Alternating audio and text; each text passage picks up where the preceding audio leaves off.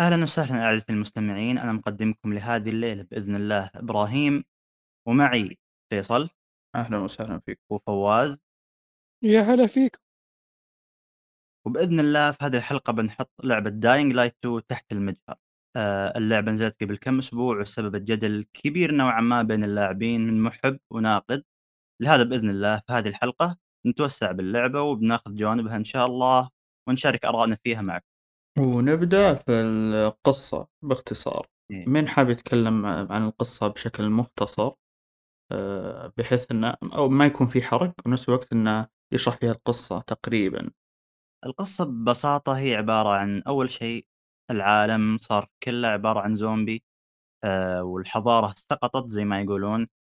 والآن ما بقى إلا مدينة واحدة آه، ما زالت آه، متماسكة.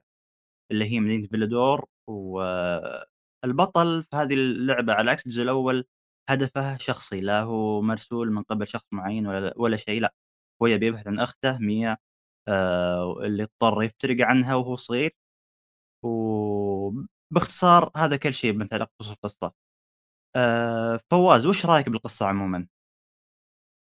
القصة كانت يعني جدا مغرية بالنسبة لي يعني شدتني من ناحية أن في هدف للبطل وناوي ينجزه. يب هي كمقومات تتفق معك. المقومات يعني يمديك من خلالها تبني شخصية بطل كويس. آه العالم نفسه جميل لكن آه خلينا نسولف أكثر عن الأحداث نفسها اللي تصير داخل عالم اللعبة.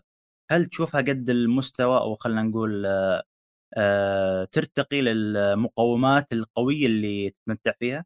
بالنسبة لي أشوف أن القصة يعني خذت منحى مرة مرتفع ومرة نازل يعني ما هو ثابت أبدا مرات أكون عندي دافع وأبي أكمل فيه مرات أقول ليه أكمل يعني إلى الآن يعني مرات تشدني القصة ومرات لا أوقف لحد معين إي وأنا أتفق صراحة معك من هالناحية تقريبا لكن المشكلة بالأحداث إنها يعني.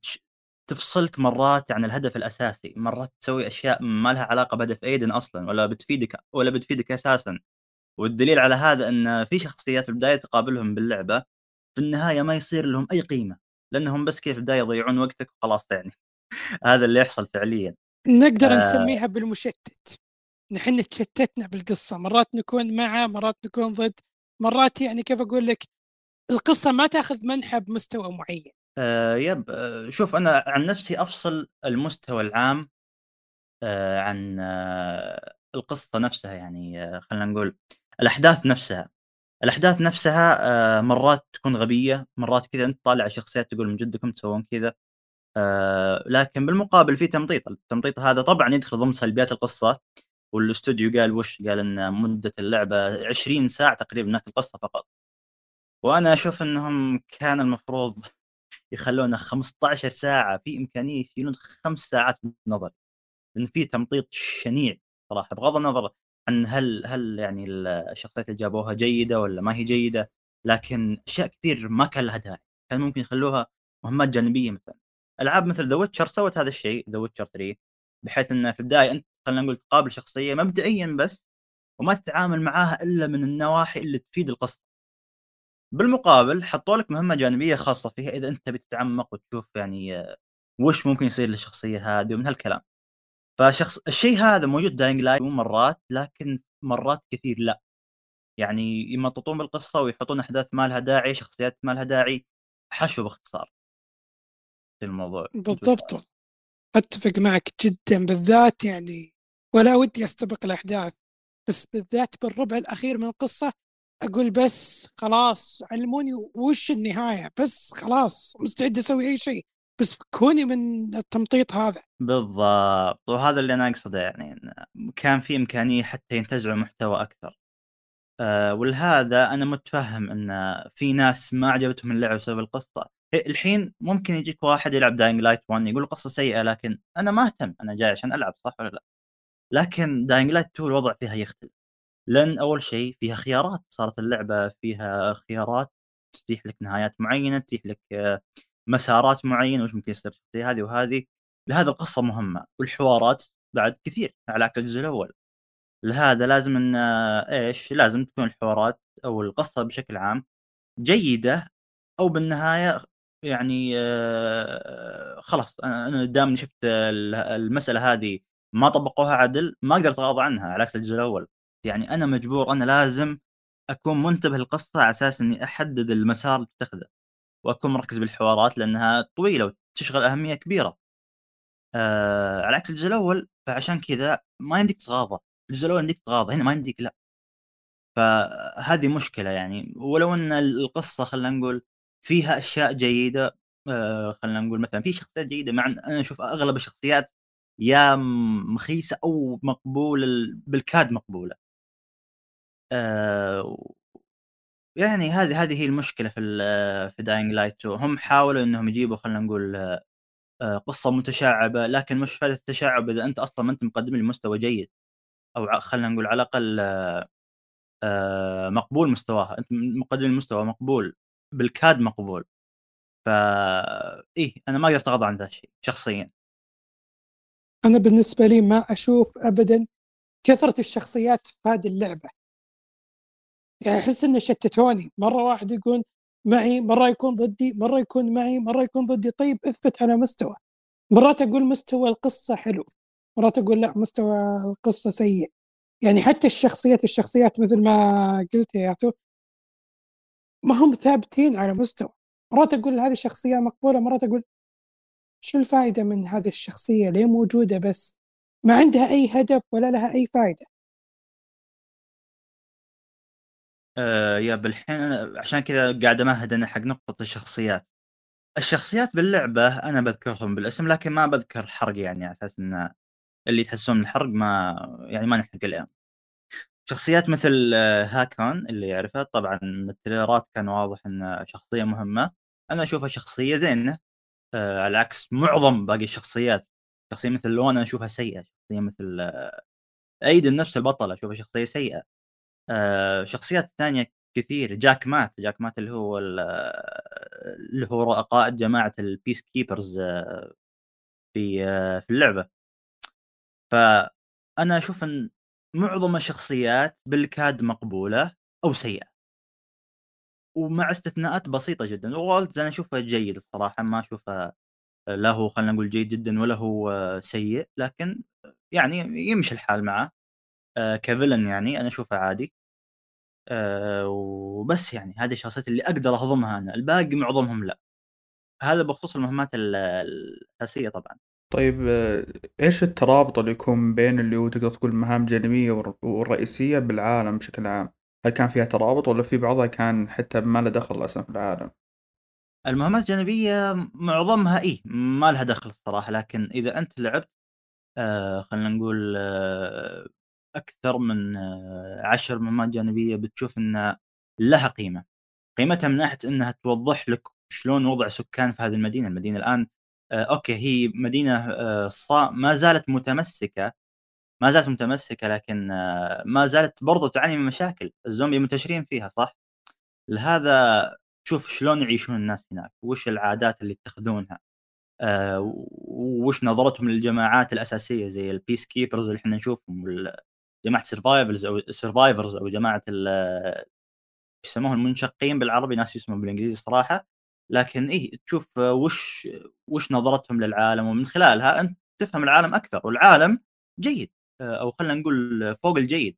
العالم رهيب ترى حق Dying Light 2 بغض النظر عن مستوى القصة نفسها. طيب تواجد الخيارات في اللعبة من ناحية اللي هو تقدر تقول هل كانت مؤثرة بشكل كبير آه، زي ما زي ما تقول سوقوا لها سوقوا لها من خلال عروضهم الدعائية وغيرها ولا أنه كان وجودها مثل عدمها؟ طبعا أنا بسمع فواز في هذا الموضوع. مرات أقول إن الخيارات ممتازة يعني ممكنها تؤدي لي لطريق مختلف مرات أقول لا وجودها على غير فائدة يعني مثلا في مهمات تجبرك إنك تختار بين ما تفيد هل بتفيد آه هذا الحزب ولا الحزب الثاني؟ هل بتفيد هذول الأشخاص ولا الأشخاص الثانيين؟ طيب أنا في البداية اخترت الأشخاص هذول. ليه أفيد هذول؟ فهمت؟ يعني تحس انه في وهم اختيار. تحس إن اللعبة بالبداية تقول ترى عندنا اختيارات كويسة. خذ راحتك. بس مع تقدم القصة تحس إن جالسين يلعبون عليك. ما هم يعني صادقين من ناحية هذه الناحية. يب أيوه. من هذه الناحية أنا أتفق معك. في خيارات إيه آه تكون مصيرية وخيارات لأ كذا حاطينها مجرد شكل. أنا ما أتكلم عن الخيارات شوف في نوع من الحو... الخيارات. اللي تكون خلينا نقول آه، عادية تختارها على أساس تسولف مع شخصيات والخيارات اللي يحطون فيها غالبا وقت لازم تتخذ قرارك بسرعة. هذه غالبا تكون مصيرية تمام؟ المصيرية هذه بحد ذاتها آه، مرات ما يكون لها قيمة بحيث إنك خلينا نقول أنت آه، اخترت جماعة على جماعة. دائما تختار إنك تكون بجانب جماعة ال Peacekeepers مثلا. آه، ممكن مرات باللعبة تشوف إنه لا والله حطوك مع survivors كأنه والله ما شاء الله طاق ميانه معاهم وأنت أصلا خلينا نقول ضدهم كل الخيارات. فإي هذه مشكلة. لكن وأنا أشوف إن المشكلة أو خلينا نقول مو المشكلة نقطة القوة هي من ناحية آه، مصير الشخصيات نفسها. يعني لما يكون الخيار متعلق بمصير شخصية معينة مو جماعة كاملة آه، هنا فعلا لها أثر. مثلا آه، في خيارات متعلقة بشخصية هاكون. هاكون خياره مهم. شخصية خيارات متعلقة بشخصية لوان. في خيارات بالنهايه طبعا خيارات النهاية هي الأهم. على أساس تحدد يعني. أنت مباشرة أصلا أسهل شيء أنت يوم تسوي لعبة تحط خيار في النهاية تروح هنا ولا هنا. لكن صعب فعلا إنك تطبق مسألة إنك خلال القصة نفسها آه، خيارات تأثر. تأثر على النهاية تأثر على الشخصيات نفسها. من هالناحية اللعبة سوت شغل كويس مع إنه في وهم اختيارات زي ما قال فواز لكن آه، إيه يعني كذا وكذا في جانب سيء وجانب جيد. okay يا تو بسألك سؤال الحين لما يكون في توزيع للموارد مثلا موية أو مثل هذه الأمور وأنت اخترت بالبداية جماعة معينة خلاص اخترتهم هذول الأفضل هذول الأحسن في نظرك بس بعدها يقولوا لك ترى عندك اختيار يا تساعد هذه الجماعة تساعد هذه الجماعة. طيب وش الهدف منك في البداية؟ تخيرني بين الجماعتين. هل تشوف أن هذا الشيء ممتاز؟ هل له هدف؟ آه لا يدخل ضمن قائمة وهم الاختيارات في, اللعبة.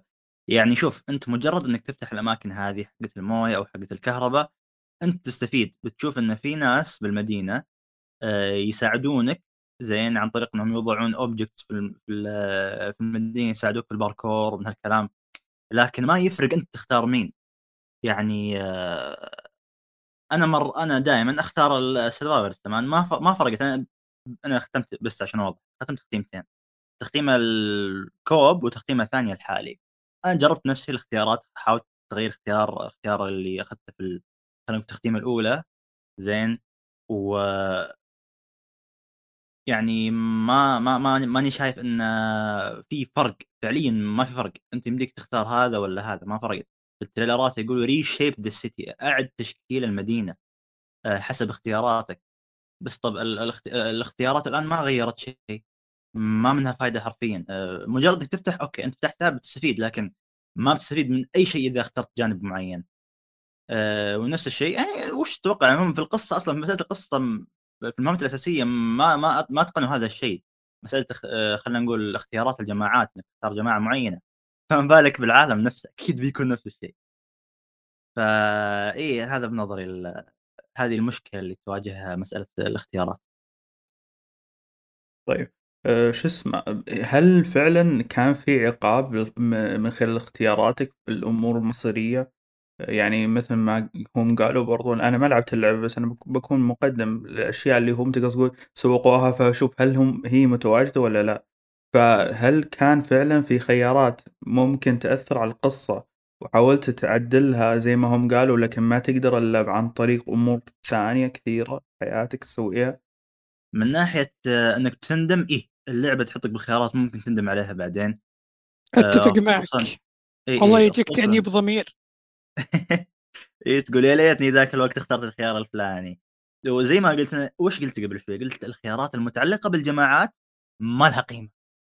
تقريبا يعني. لكن الخيارات المتعلقة بالشخصيات يوم خلينا نقول ممكن تحدد مصير شخصية هذه إيه؟ هذه آه، شخصية تموت ممكن تأثر على النهاية. يعني مثلا في شخصية آه، اللي هي ما بحرق وش هي عندك خيار. أما أنك آه، تذبحها أو تنقذها. تمام؟ الشخصية هذه خيارك هنا بيأثر على النهاية. خيار مصيري فعلا هذا يكون من نص اللعبة تقريبا أو آه أي نص اللعبة نص اللعبة بعدها شوي. في سنترال لوب طبعا آه يعني بتحتار البدايه تحتار ويسوى فعلا الحيرة هذه. بتشوف إن لا خياراتك آه كان لها ثمار يعني اثمرت هل حسيتوا إن كان أفضل لو تقدمت القصة بالشكل السابق؟ ولا إنه كان الخيارات عامل مهم في إنك تندمج بعالم أه وان تحس انها في تجربة جديدة عليك؟ بالنسبة لي أشوفها إضافة مستحب. يعني ما أشوف إنها مرات يعني قدمت ذاك التغيير الأسطوري اللي كيف أقول لك خلاص اختيارك هذا بيكون مصير هو بيأنبك ضميرك.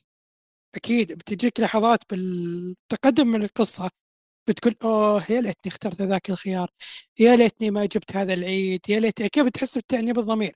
فعشان كذا أقول لك إضافة مستحب ما أقول لك إنها إضافة إذا كانت موجودة ولا من موجودة بيفرق لا بس إضافة مستحب يعني زي اللي يقول لك آه، قطعة الكرز على الكيك آه، أتفق مع جواد. اي مو جواد شو اسمه فواز اللعبة زي ما قلت أنا فيها خيارات إيه مصيرية وأنا بالنسبة لي تعطيني دافع دافع حتى أركز بالقصة.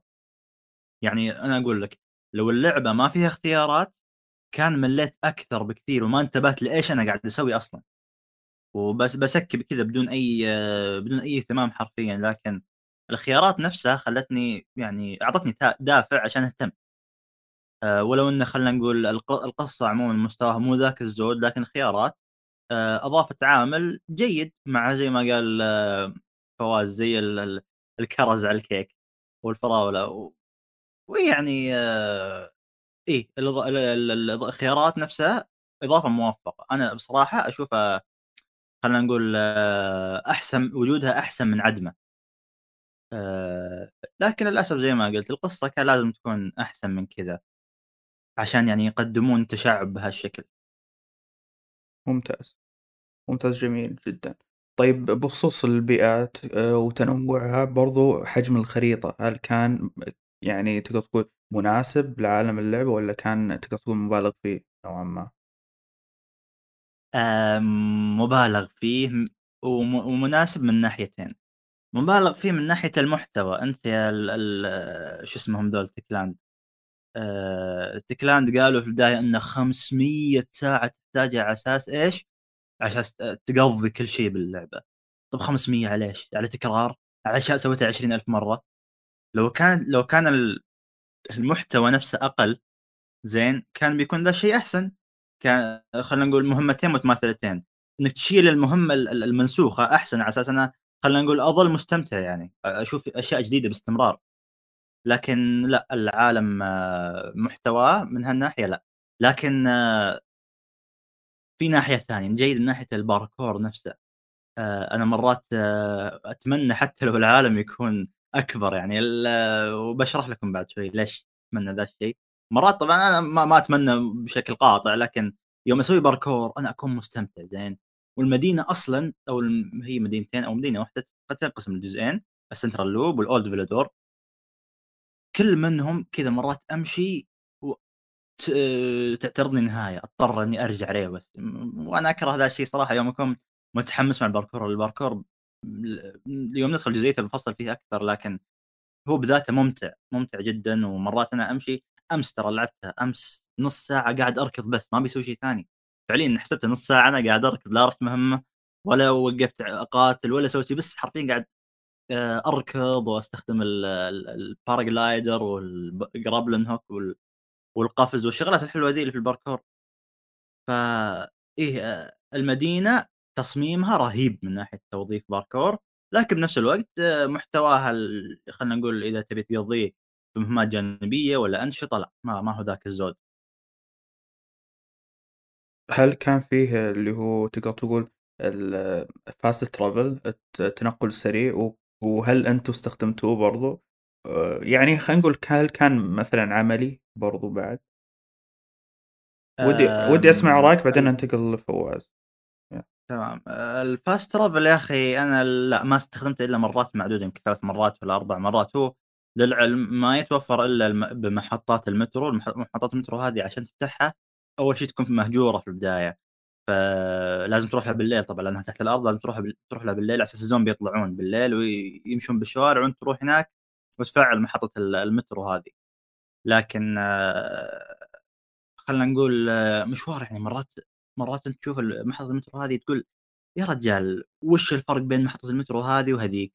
زين هي بالنهاية بستخدمها عشان fast travel فاهم كيف؟ في محطات مترو تصميمها كويس ترى لكن رغم هذا ما زال في تكرار في تكرار تصميم محطات المترو هذه مع إنها قليلة لو تشوف لو تعدها ترى معدودة جدا على ال map لكن مشوار تنفتح يعني تاخذ وقت آه وأنا ما أدري وش الفائده من هذه الحركة يعني في أماكن باللعب مثل الطاحونات الهوائية هذه تفتح لك UV light عشان تروح له بالليل أو تنام أو يعني تسوي آه، أمورك المعتادة تشتري أو ايا كان اللي تبي تسويه. آه لو أنه في هذه الأماكن فتحوا fast travel كان بيكون أحسن لأن كثيرة ترى كثيرة وباخذ راحتي بال fast travel خلينا نقول أنا ماني ما ما أبغى أروح مشوار خلينا نقول 500 متر أنا مستثقل خلاص ما ما بيسوي باركور طبيت زي القرد من اليوم آه أبي أسوي fast travel ما يمديك لازم محطة مترو ومحطات المترو مشوار تفتحها عشان كذا أنا أشوف انه ما في فائده من إنك تخليها محصورة على محطات المترو هذه. أنت ما شاء الله حط لي طاحونات هوائية كثيرة تتسلقها. ليش ما خليت فيه ال fast travel؟ فإي أنا أشوف ذا الشيء غبي جدا صراحة. طيب كان فيها تقدر تقول وسائل تنقل آه، غير اللي هو الباركور لك أنت كشخص؟ إي نعم في وسيله تنقل اللي هي الطائرة الشراعيه أيوه. بس ما في شيء الحبال يعني ما أشوف انها مهمه لأني أنا بمتر ال map بمتر ال map. يعني وجودك كحبال يعني بس يعني كيف أقول لك بدل ما تأخذ ثلاث ثواني بالنزول ترى بتأخذ مثلا خمس ثواني بالنزول. يعني ما هي ما هي ضايفة شيء كبير ترى بالنسبة لي. طيب إيه كنت بتقول نقطة يا إيه ترى لا ال glider نفسه ترى يدخل أو الباراشوت اللي تسميه. يدخل تحت نطاق الباركور ترى. والمشكلة في ال paraglider انه ده يكون بطيء بطيء جدا لين تطوره على الأقل تطويرة واحدة ويصير سريع يصير عملي في الباركور مو مجرد إنك خلينا نقول تنزل ولا شيء. آه أنا بتكلم عن مشكلة ثانية تتعلق بالتطويرات نفسها لكن الآن. ال glider نفسه ممتع جدا في إنك تستخدمه في المدينة الثانية اللي هي ال Central Loop. آه في Old Villedor أكيد هي أصلا مصممة على أساس إنه ما ما فائده كبيرة مع ال glider هي أصلا كلها مباني يمديك تطب عليها كلها وما هي طويلة آه فايه ما تحتاج ال glider فيها لكن في الثانية لا في مباني طويلة يمديك تتسلق مرتفعات يمديك خلينا نقول في فتحات تهوية يحطونها على الأرض يمديك من خلالها إنك إذا رحت عليها بال glider ترفعك لفوق وتعب ال stamina حقتك عشان تكمل باركور بدون ما يعيقك أي شيء. وأنا أشوف صراحة تصميم مدينة ال Central Loop من هذه الناحية ممتاز جدا. وأنا أختلف صراحة مع فواز من ناحية ال grappling hook اللي هو الحبل. الحبل استخدامه لا عملي جدا خصوصا بالبنيه الثانية زي ما قلت البنيه الثانية أصلا الباركور فيه هو الأمتع بنظري آه، لأنه يوظف ال glider وال grappling hook أساس تستفيد منهم يعني وفيه تطويرة بال grappling hook تخليك مو بس إنك خلينا نقول تعلق على فوق وتستخدمه زي الحبل إنك تعلق عليه وزي زي زي سبايدر مان فاهم كيف يوم حط الشبك و... و... زي طرزان بعد. ما ما أقصد من هذه الناحية لا في تطويره تخليك آه، تسحبك للمكان اللي أنت حددت عليه تضغط دبل ال 2 وتسحبك لمكان ما بغيت أنت توديك يعني خلينا نقول ممكن مكان بعيد نوعا ما. آه اللي لعب الجزء الأول يعرف من الجرابلن هوك كان فيه عبارة عن بس إنك تحدد على وبيوديك اللي عنده فقط. أما هنا أول شيء خلوه أكثر واقعية بحيث إنه ما يوديك اللي عند المكان اللي عليه بالضبط لكن يقربك له. وبنفس الوقت يمديك تستخدمه كشيء تتعلق عليه زي الحبل. وايه يعني استخدامه ممتاز جدا في العالم. أنا أقول تصميم العالم أصلا ممتاز يعني توظيف الباركور فيه من أروع ما يكون. طيب فواز تكلمنا عن البيئات بالنسبة لك. كيف كانت؟ وهل في تنوع ولا بس كان في تكرار يعني كثير في الماب بسبب كبره يعني؟ نوعا ما تقدر تقول إنه في تكرار. مرات أقول إن هذا المكان كنت مريت عليه قبل. ما هو يعني التنوع اللي تقول كل منطقة لها يعني أسلوب ما عدا منطقة واحدة اللي هي الكاتدرائية. أتوقع منطقة اسمها زين صحوا لي. هذه كانت غير بالنسبة لي. بس هذه المنطقة اللي حسيت أنها okay هذه هل هي من لعبة ثانية؟ هذا اللي كنت أقوله. أما باقي المناطق كلها متشابهة. عشان كذا قلت نوعا ما ما قلت إن كل شيء متشابه. وأكيد أكيد أثر عليها العالم المفتوح الكبير. ممتاز ممتاز. طيب نبي ننتقل الآن إلى ال gameplay وراح نبدأ بال- بخصوص تنفيذ المهام في البداية. أبي أبيكم تتكلمون عن الرئيسية والجانبية. أنا أقول لك اللعبة من ناحية المهمات عبارة عن تكرار simulator زين؟ فعليا اللعبة عبارة عن repetition زي ما يقول جوزيف فارس يوم سألوه عن ألعاب العالم المفتوح قال sometimes I call it open repetition تكرار مفتوح.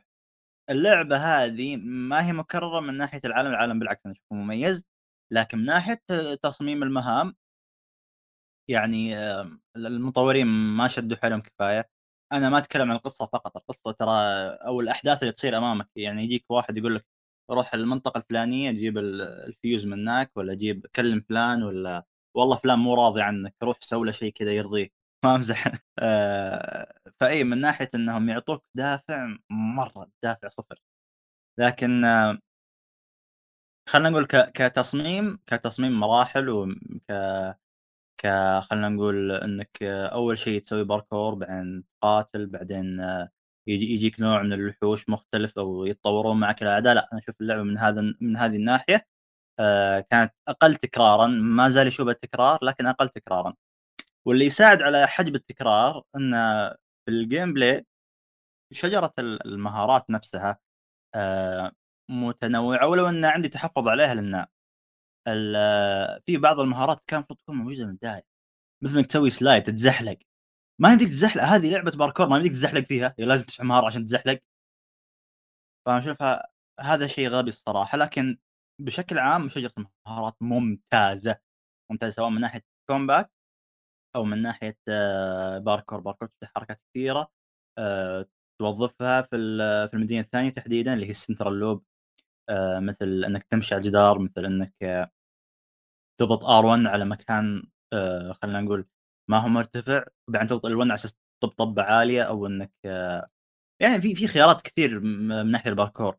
نفس الشيء مع القتال يعني عندك خلينا نقول خيارات أكثر تتعامل مع الاعداء وأنا أقول لكم حاجة اللي شاف رأيي بخصوص Dying Light 1 أنا تكلمت عن حلقة سابقة من إيفل كاست ما أدري وش لكن قلت فيها إن قتال البشر في Dying Light 1 كان أي كلام. تحس اللعبة مصممة على أساس تقاتل وحوش فقط ما هي عشان تقاتل آه، بشر.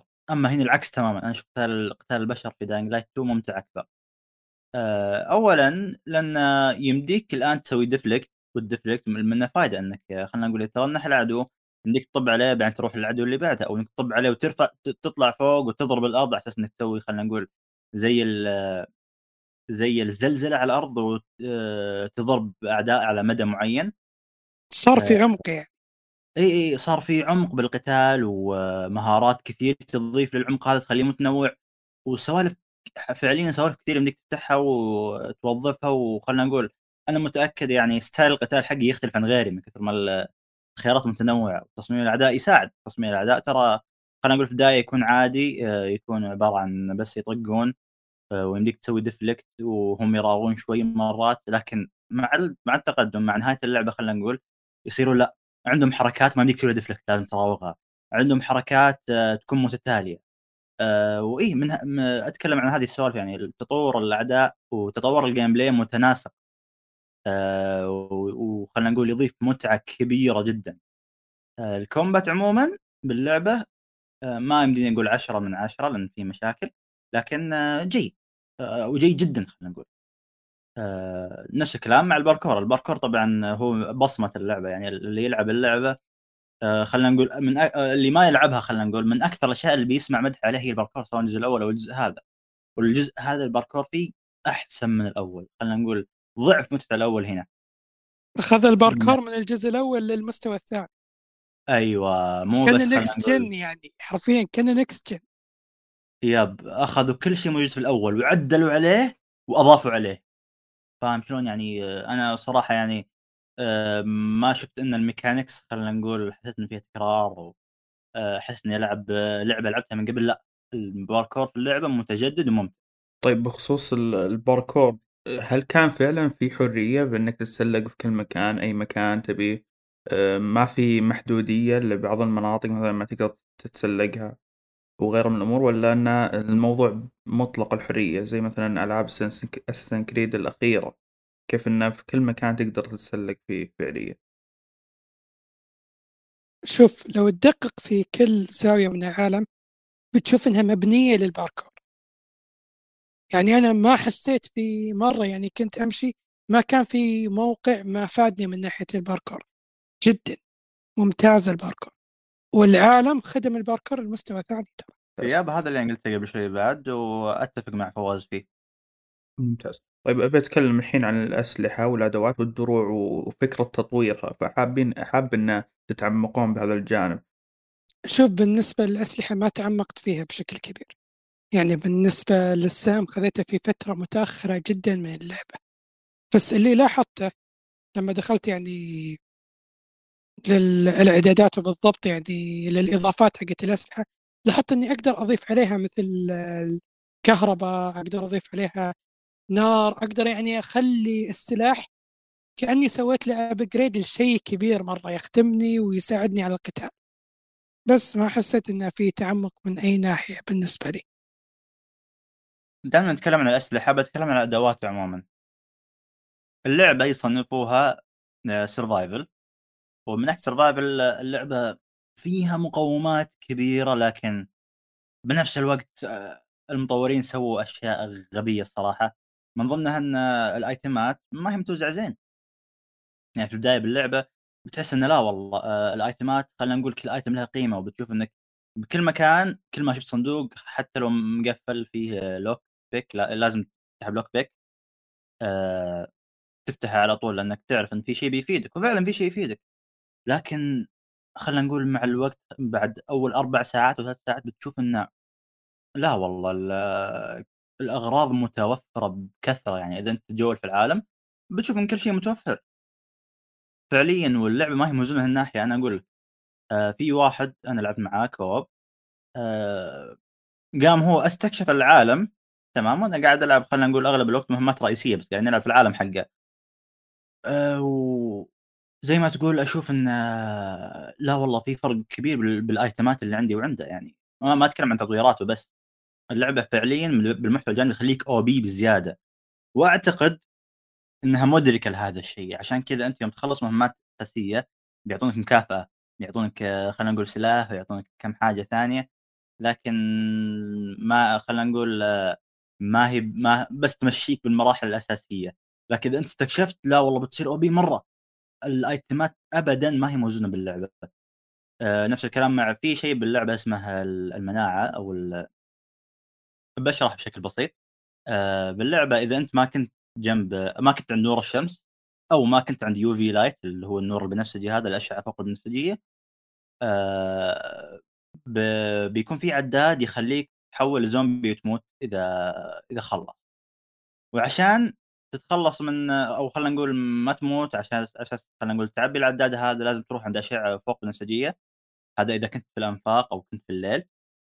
أو إنك تستخدم معزز مناعة. في آيتم اسمه معزز المناعه أنا طبعا قاعد أقول المصطلح العربي لأني لعبت اللعبه بالترجمة العربية.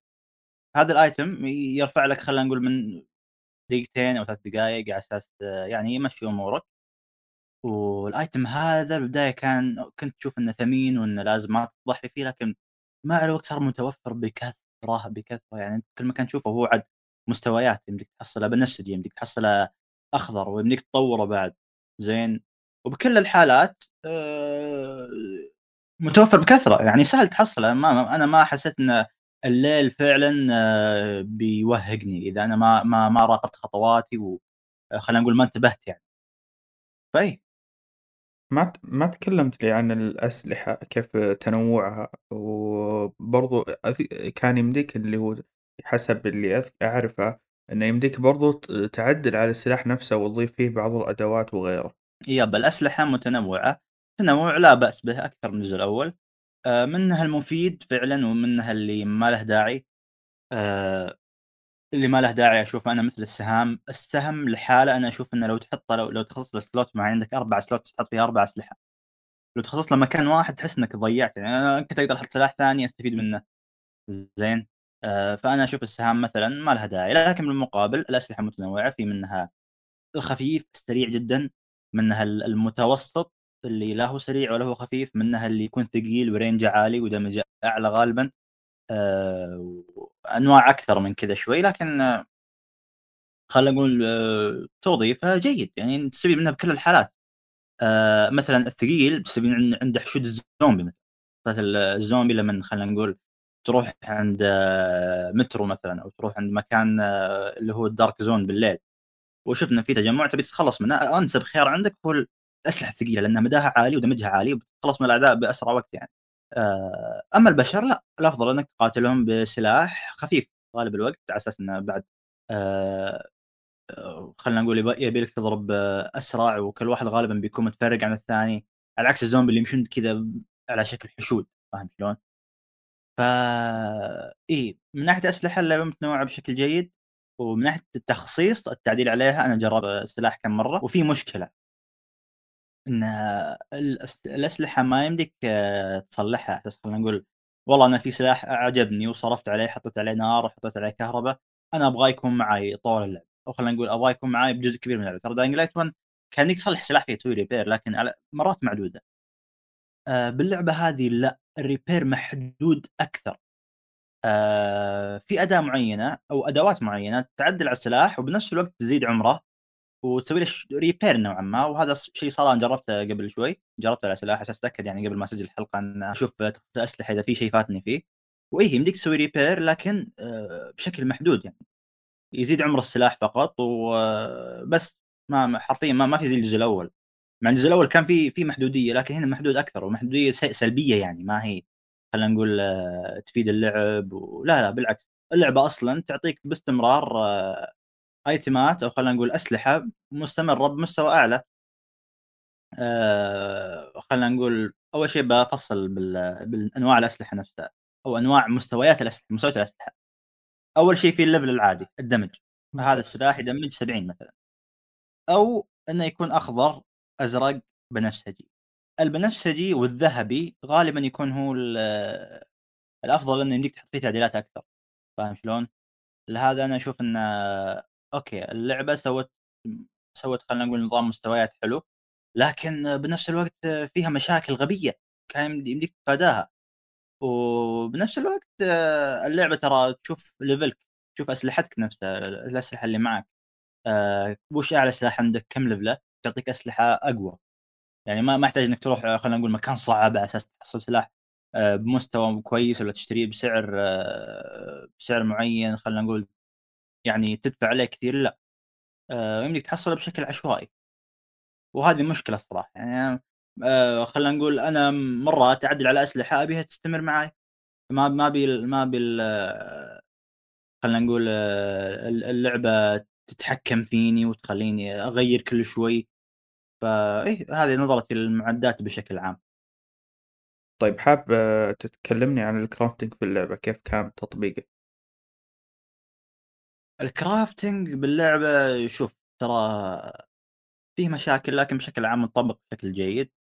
آه، بحيث إن الآيتمات اللي أنت أخذتها والحين نرجع لنقطة الآيتمات. الآيتمات توزيعها سيء ياثر حتى على الكرافتنج آه، مرات حرفيا ما يكون الكرافتنج قيمة من كثر ما الآيتمات متوزعة بكثرة. ما تحتاج تصنع مرات.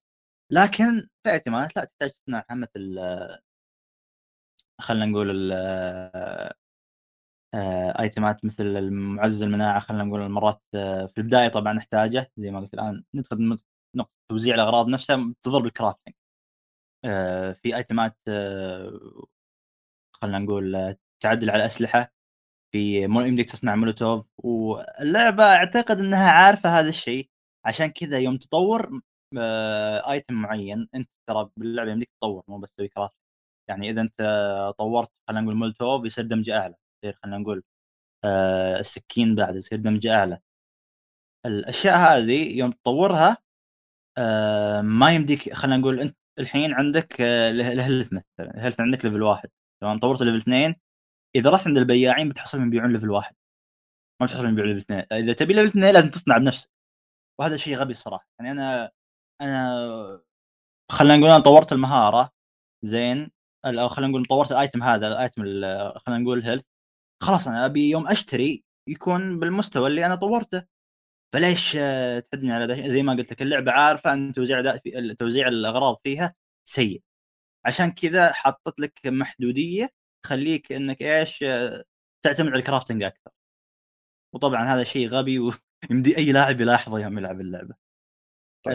اللعبة آه، اللي ما يعرف فيها فيها نظام انه يوم يتعاقبون ليل النهار بيتغير العالم بشكل جذري بحيث انه بالنهار أول شيء بيكون البشر أكثر والوحوش يكونون أضعف غالبا آه، وبالليل العكس تماما البشر يروحون عند ال UV light الاشعه فوق البنفسجيه على أساس يحتمون والزومبي ينتشرون بالمكان ويكون في أنواع أكثر من الوحوش في مثلا ال howler ال howler اللي هو آه اللي زي ما يقولون الصياح أو العاوي زي ما يترجموه حرفيا باللعبة يقولون العاوي.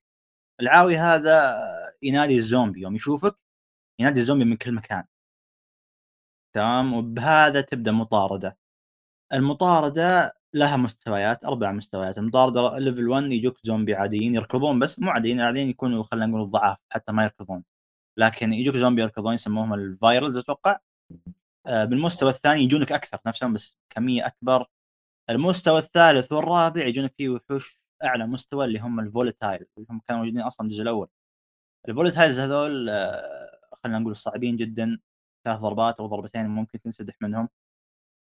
و يعني أنا أشوف إن مسألة المطاردة هذه أو خلينا نقول مستويات المطاردة ما تم تطبيقها بشكل جيد. آه لأن أول شيء اللي يميز الليل في الجزء الأول إنه لازم أنت تنتبه بالباركور خلينا نقول أنت قاعد تطفل من فوق المباني لا تطيح لا تخلي زومبي يشوفك. زين أساس ما تنكب بمطارده أنت في غنى عنها أصلا. لكن الجزء الثاني حاطين نظام المستويات هذا والنظام ذا سيء. ليش؟ لأنه آه، يقلل هيبة الليل هيبة هيبة الليل. يعني خلينا نقول في البداية آه، في البداية إيش؟ آه، خلينا نقول تحس كأنهم مسهلينه. يا مسهلينه على أساس إنه في البداية يكون okay زومبي عاديين بعدين زومبي أكثر بعدين volatile طيب المفروض من البداية أنت تعاقبني لأني أنا خلاص أنا ارتكبت غلط أنا طحت أنا خليت زومبي يشوفني خليت عاوي يشوفني. لازم تعاقبني على ذا الشيء تخليني أركض بأسرع ما عندي وأحس انه فعلا هذه خلينا نقول لحظة مصيرية ولازم أهرب بأسرع وقت. آه هذا الشيء كان موجود في الجزء الأول لكن هنا لا. آه وما شاء الله على أساس تنتقل للمستوى الثالث. تحتاج وقت طويل يا رجل أنا مرات أحاول أفرم زين الزومبي ترى اللي هم ال virals وال volatiles وبعض الأنواع الثانية مثل ال banshee وال والدببة الكبار هذول وغيرهم ما ما, ما أذكر الانواع كلها لكن يعطونك قطع مميزة آه، تستفيد منها حتى تطور أغراضك تطور معداتك أنت تبي تطور مثلا ال health تبي يخليه آه، يبي تبي تخلي ال health أكثر أو يكون الوقت أقصر عشان تعبي خلينا نقول. فأنا جيت أبغى أفرم زين بالليل طبعا وجيت أبي أجيب الزومبي من كل من كل حدب وصوب. آه، لكن آه، أبغى ال volatile ال volatile ما جاني حرفيا مشوار أنا قاعد أنتظر قاعد أقاتل أقاتل أقاتل. لا قاعد أحافظ على هاولر على العاوي جنبي على أساس أتأكد إنه يصارخ ويجيب زومبي أكثر مع الوقت وحتى مع هذا يطول يعني يقعد وقت طويل. على أساس إنه يجيب الفولت هذول اللي هم فعلا وحوش الليل الخطيرين ف لهذه الدرجة يعني صار يمديك تطقطق على وحوش الليل. فاهم شلون؟ في أنواع أكثر لكن الليل ما هو خطر بنفس خطورة الجزء الأول. يعني المشكلة هذه ما أدري كيف المطورين ما انتبهوا لها. كان يمديهم يستغنون عنها عن طريق إن أول شيء يخلون المطارده أصعب يخلونها أسرع. أو إن ببساطة لا تحط نظام مطاردات خلك كذا إذا إذا خلاص أنت والله آه طحت أو خليت عاوي يشوفك خلاص عاد. الله الله يعينك الله يرحمك عاد. زي ما زي ما هو الحول الجزء الأول. فأي أنا أشوف إنه ما طبقوا نظام الليل بالشكل المناسب.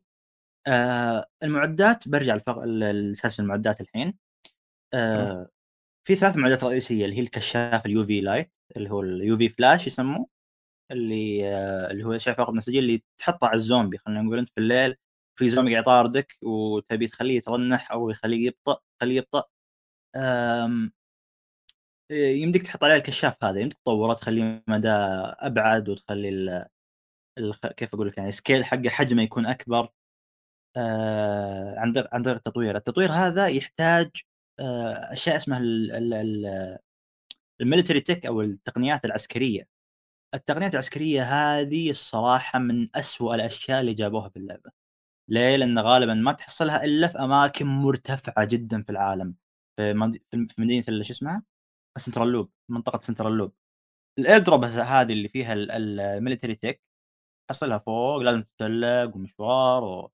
يعني أنا صراحة أفضل إنكم خلينا نقول ما تطورون المعدات إلا إذا بتطورونها مرة واحدة بس مرة واحدة على أساس إنه خلينا نقول خلون خلون مثلا تخلون grapple hook أسرع وال glider أسرع وبس لا تتعبون أنفسكم لا تجولون بالعالم كله أساس والله تدورون على ال airdrops هذه وينها؟ لأن أصلا حتى صعب تحصلها صعب تحصلها أنت بالعالم نفسه لانهم قليلين ترى. فالتقنيات العسكرية هذه آه، تطور لك إما ال grappling hook أو ال UV flash أو ال glider أنا صراحة مكتفي بتطوير لكل واحد منهم أساس بس أخلي الباركور يصير أسرع وفقط يعني ما ما تحتاج أكثر أصلا.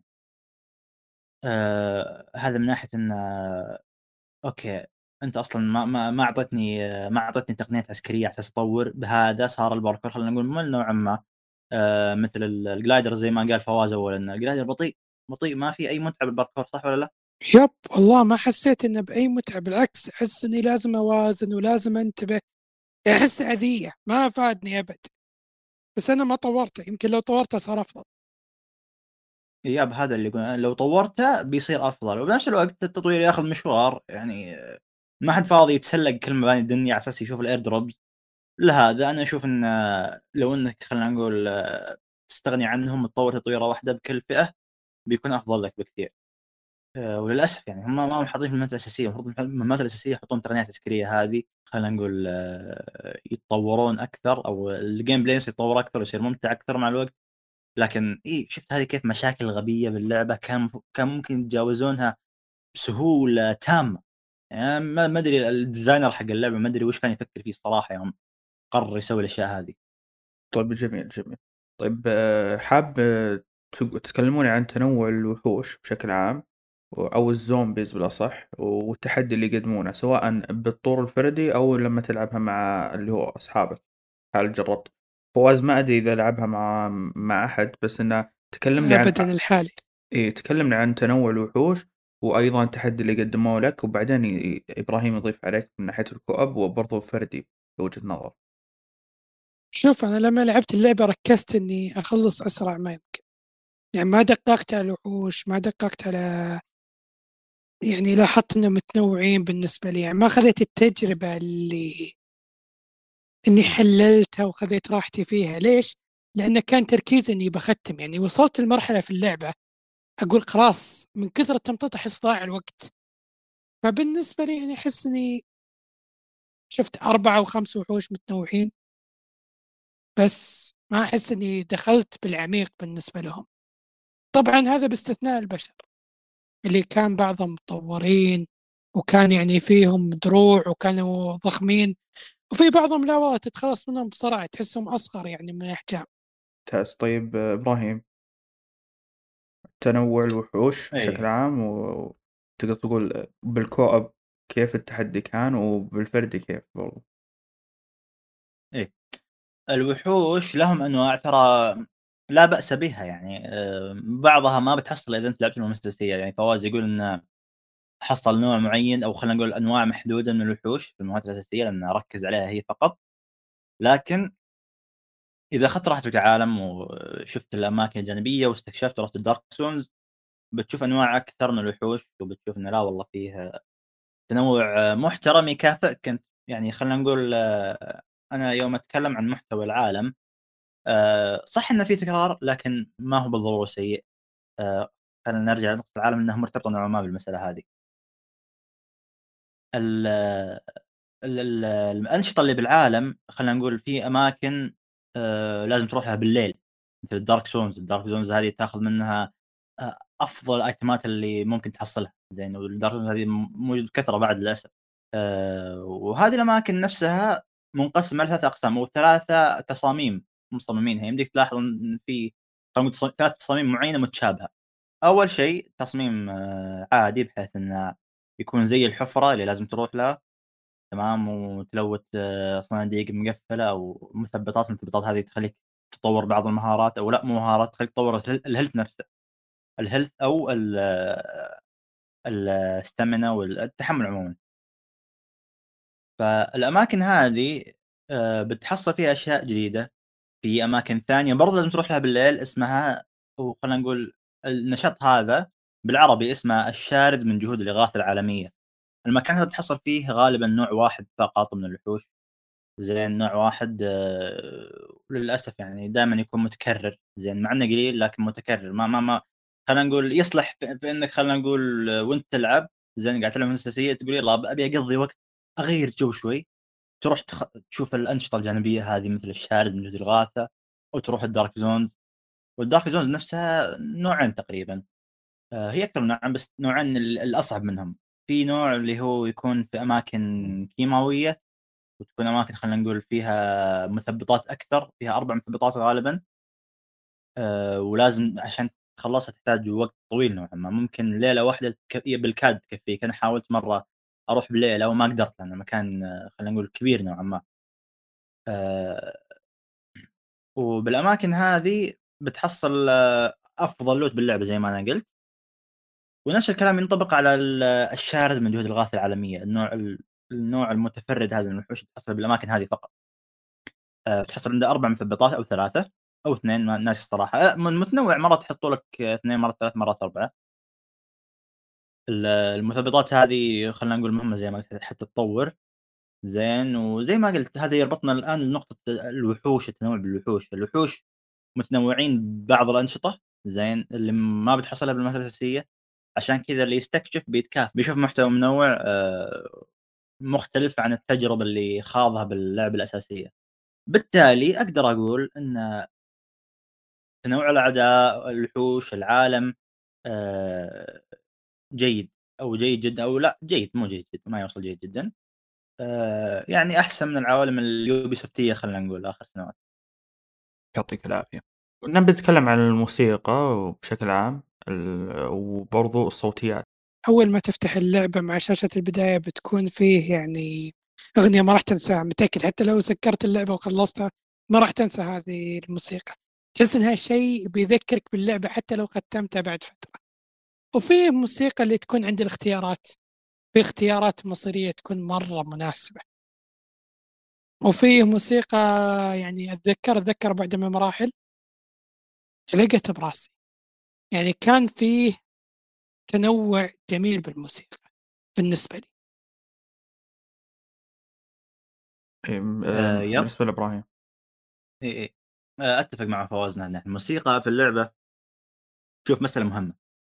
الموسيقى باللعبة ترى ما هي ال top tier يعني اللي خلينا نقول يمديك تسمع حتى خارج اللعبة. أنا جربت بنفسي بعد واحد خويي أعطيته soundtrack أنا كنت أشوفه إدماني باللعبة. اعطيته اياه اللي هو بالباركور يشتغل؟ نقول soundtrack عادي وش فيه؟ ما, ما في شيء مميز. وهنا المساله اللعبة ال soundtrack ات حقتها متناسقة مع اللعب بشكل مثالي يخليك يخليك يخليك تتذكرها حتى بعد ما تلعب يا رجل. أنا soundtrack ال parkour مثلا بركز على الباركور الآن. soundtrack ال parkour آه، مرات يتردد ببالي وأنا ما ألعب أصلا. كذا أنا قاعد خلينا نقول قاعد أفرفر ولا قاعد أمشي بالبيت ولا قاعد رايح بمشوار تعرف اللي soundtrack مرة ما يطلع من راسك؟ ف ال soundtrack ات متناسقة مع اللعب بشكل مثالي.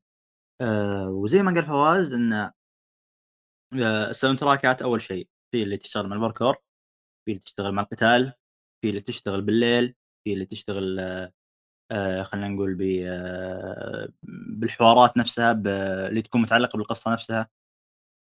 وهي اللعبة قدمت مكتبة محترمة جدا من ناحية الموسيقى وتناسقها مع اللعب بشكل خلينا نقول مثالي متناغمة بشكل عظيم آه خلينا نقول التجربة السمعية عموما باللعبة ممتازة بفضل الموسيقى والصوتيات نتكلم عنها بعد شوي إيه بخصوص الصوتيات نبي نتكلم اللي هو عن أصوات الوحوش، أصوات الأسلحة، أصوات الخطوات وغيرها من الأمور، فمين حاب يبدأ بخصوصها؟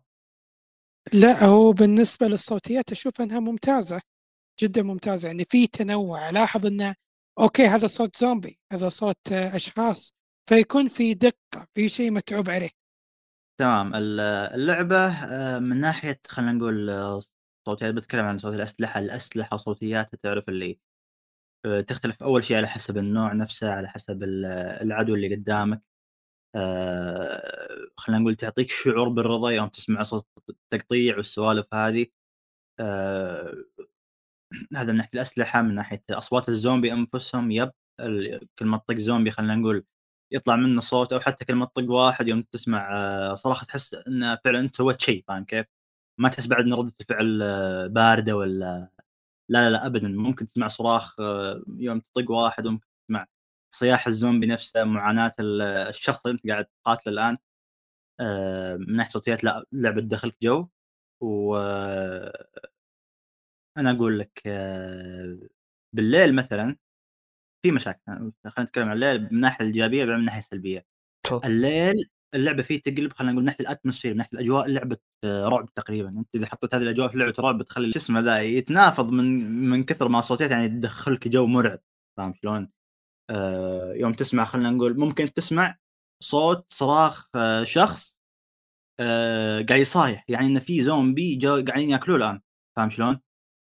واضح. تسمع صوت آه، صوت صياح وحوش، ممكن تسمع خلينا نقول آه، حتى يوم تقرب من وحش زين بتحس يعني إنه أوه في وحش هنا في في خلينا نقول واحد مع إنه للأسف يعني سرعة اللعبة ما تخليك تستوعب آه، كفاية لكن إيه خلينا نقول من ناحية يعني الصوتيات نفسها نفس الصوتيات لأ ممتازة جدًا، لكن في مشكلة مثلًا بالليل زي ما قلت إنه آآ مرات أنت يوم تمشي زين، آآ تسمع صوت زومبي أساس يدخّلوك جو مع مع اللعبة على إنك بالليل وإنك خلينا نقول يدخّلوك بأجواء مرعبة، تسمع صوت زومبي خافت كأنه قريب منك، زين ولا هو ما هو قريب بس منك بس هم حاطين الصوتيات هذه على أساس إنهم يدخّلوك جو، طب هذا هذا شيء سلبي بنظري لأن أنت كذا الحين ما خليتني آآ ألغيت جانب إني أستوعب إن في وحش جنبي والّا إنه في خلينا نقول وحش قريب بشكل عام، لكن آه، يوم سويت الحركة هذه راحت ال الميزة هذه، خلينا نقول نفس الجزء الأول، الجزء الأول ترى ما كان فيه ذا الشيء، الجزء الأول كان فيه صياح، يمديك تسمع صياح ال الزومبي، تسمع صياح ما أذكر إني سمعت صياح بشر لكن سمعت صياح زومبي إيه، في الجزء الأول هذا، لكن بالجزء الثاني آآ كان يمديهم يكتفون بال بالصوتيات هذه بدون ما يزعجوك بانهم يحسسونك إنه لا والله في زومبي قريب منك عن طريق إنهم يخلون ال الصوت قريب أصلا. إي ما ما أشوف و لها داعي أساسًا يعني الحركة هذه، ب يعني ما تضيف لك okay هي مرعبة بس إنه يعني إضافتها غلط يعني. شتتك إي باختصار. بالضبط، بالضبط. طيب الرعب النفسي بشكل عام خصوصًا بالليل، هل هل كان الأصوات لها دور كبير فيه؟ هو الرعب النفسي زي ما قلت اللعبة من ناحية صوتيات تدخلك أجواء زي أنا وش قلت شوي إذا دخ إذا حطوها بلعبة ثانية لعبة رعب بت بتخلق أجواء مثالية، زين؟ لكن زي ما قلت إن الليل له مشاكله اللي تخليه يقلب أكشن مرات ويخليك تضحك ف ال الليل نفسه بشكل عام ممكن ما يكون خلينا نقول بذاك الرعب، لكن الصوتيات حقته ممتازة. نقطة نقطة مهمة، الموسيقى ترى آآ فيها زي ال التغيُّر الديناميكي اللي يحصل على حسب موقفك أنت حاليًا بال وش قاعد تسوي الآن، زين؟ في إيه. الباركور تحديدًا هذه أكثر شيء ملحوظ بالباركور مثلًا يوم آه، يوم آه، يكون soundtrack شغال زين، فيه في هندسة حلوة بالصوت في إنها تخ وش تسوي لك ال الهندسة هذه إنها تخليك يوم تكون بالهوا الموسيقى نفسها يجيها نوع من ال كذا تتلاشى على ش بشكل خفيف فاهم كيف؟ تحسسك إنك في الهوا فعلًا، فاهم وصلت. يحطون أيوه. فلتر معين إي يحطون فلتر معين يحسسك إنك فعلًا أنت على الهوا، وأول ما تحط رجلك على الأرض من جديد أو تحط رجلك على مبنى أو خلاص يعني ما ما عاد تصير بوضع الطيران آآ ترجع الموسيقى طبيعية من جديد، وهذا الشيء يدخّلك جو رهيب، رهيب جدًا من ناحية إنك خلينا نقول آه، تدخل جو فعلًا مع الموسيقى، الموسيقى ممكن تخلّيك حتى تركض وقت طويل فوق ما إن الباركور ممتع، الموسيقى تدخّلك جو أكثر.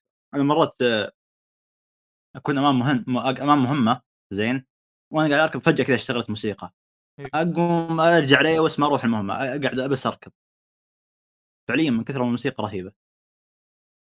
هو تقريبًا الفكرة اللي أنت وصّلت لي إياها هي قاعد أشوفها أنا في ألعاب كثير، اللي لمّا مثلًا تغوص في البحر تسمع اللي هو كيف ال الصوت يكون مكتوم، فنفس الفكرة أنت قاعد توصلها ب من خلال اللي هو Dying Light كيف إن الصوت يكون متفاعل مع البيئة اللي حولك تقريبا والأشياء اللي قاعد تسويها فعليا.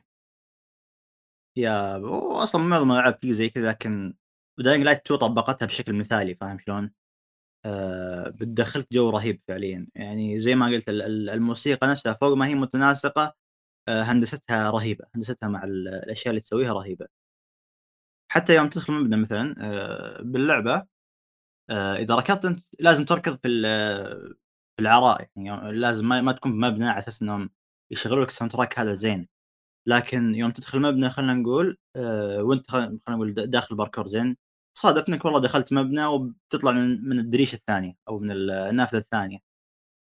آه وأنت داخل بي بينخفض ال soundtrack شوي فاهم كيف؟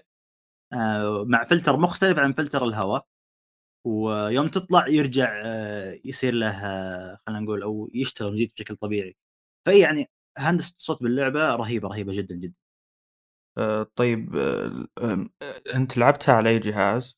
وفواز برضو لعبها على أي جهاز؟ أبي أبي فواز أول بالنسبة لي لعبتها على Xbox Series X وكان أداء اللعبة جدا ممتاز جميل جدا لكن مثل ما يقولون الزين ما يكمل. في بداية اللعبة قبل تحديث اللي وصل أتوقع واحد فاصلة صفر فاصلة أربعة واجهت مشكلة غثتني ألا وهي اختفاء الأصوات. يعني حتى المحادثات تختفي. تحس إن الشخصية جالسة تسوي skip من تلقاء نفسها للمحادثات. فأنا ما أقدر أقرأ ولا أقدر أسمع. وفي نفس الوقت كأني داخل في منطقة ما فيها أحد.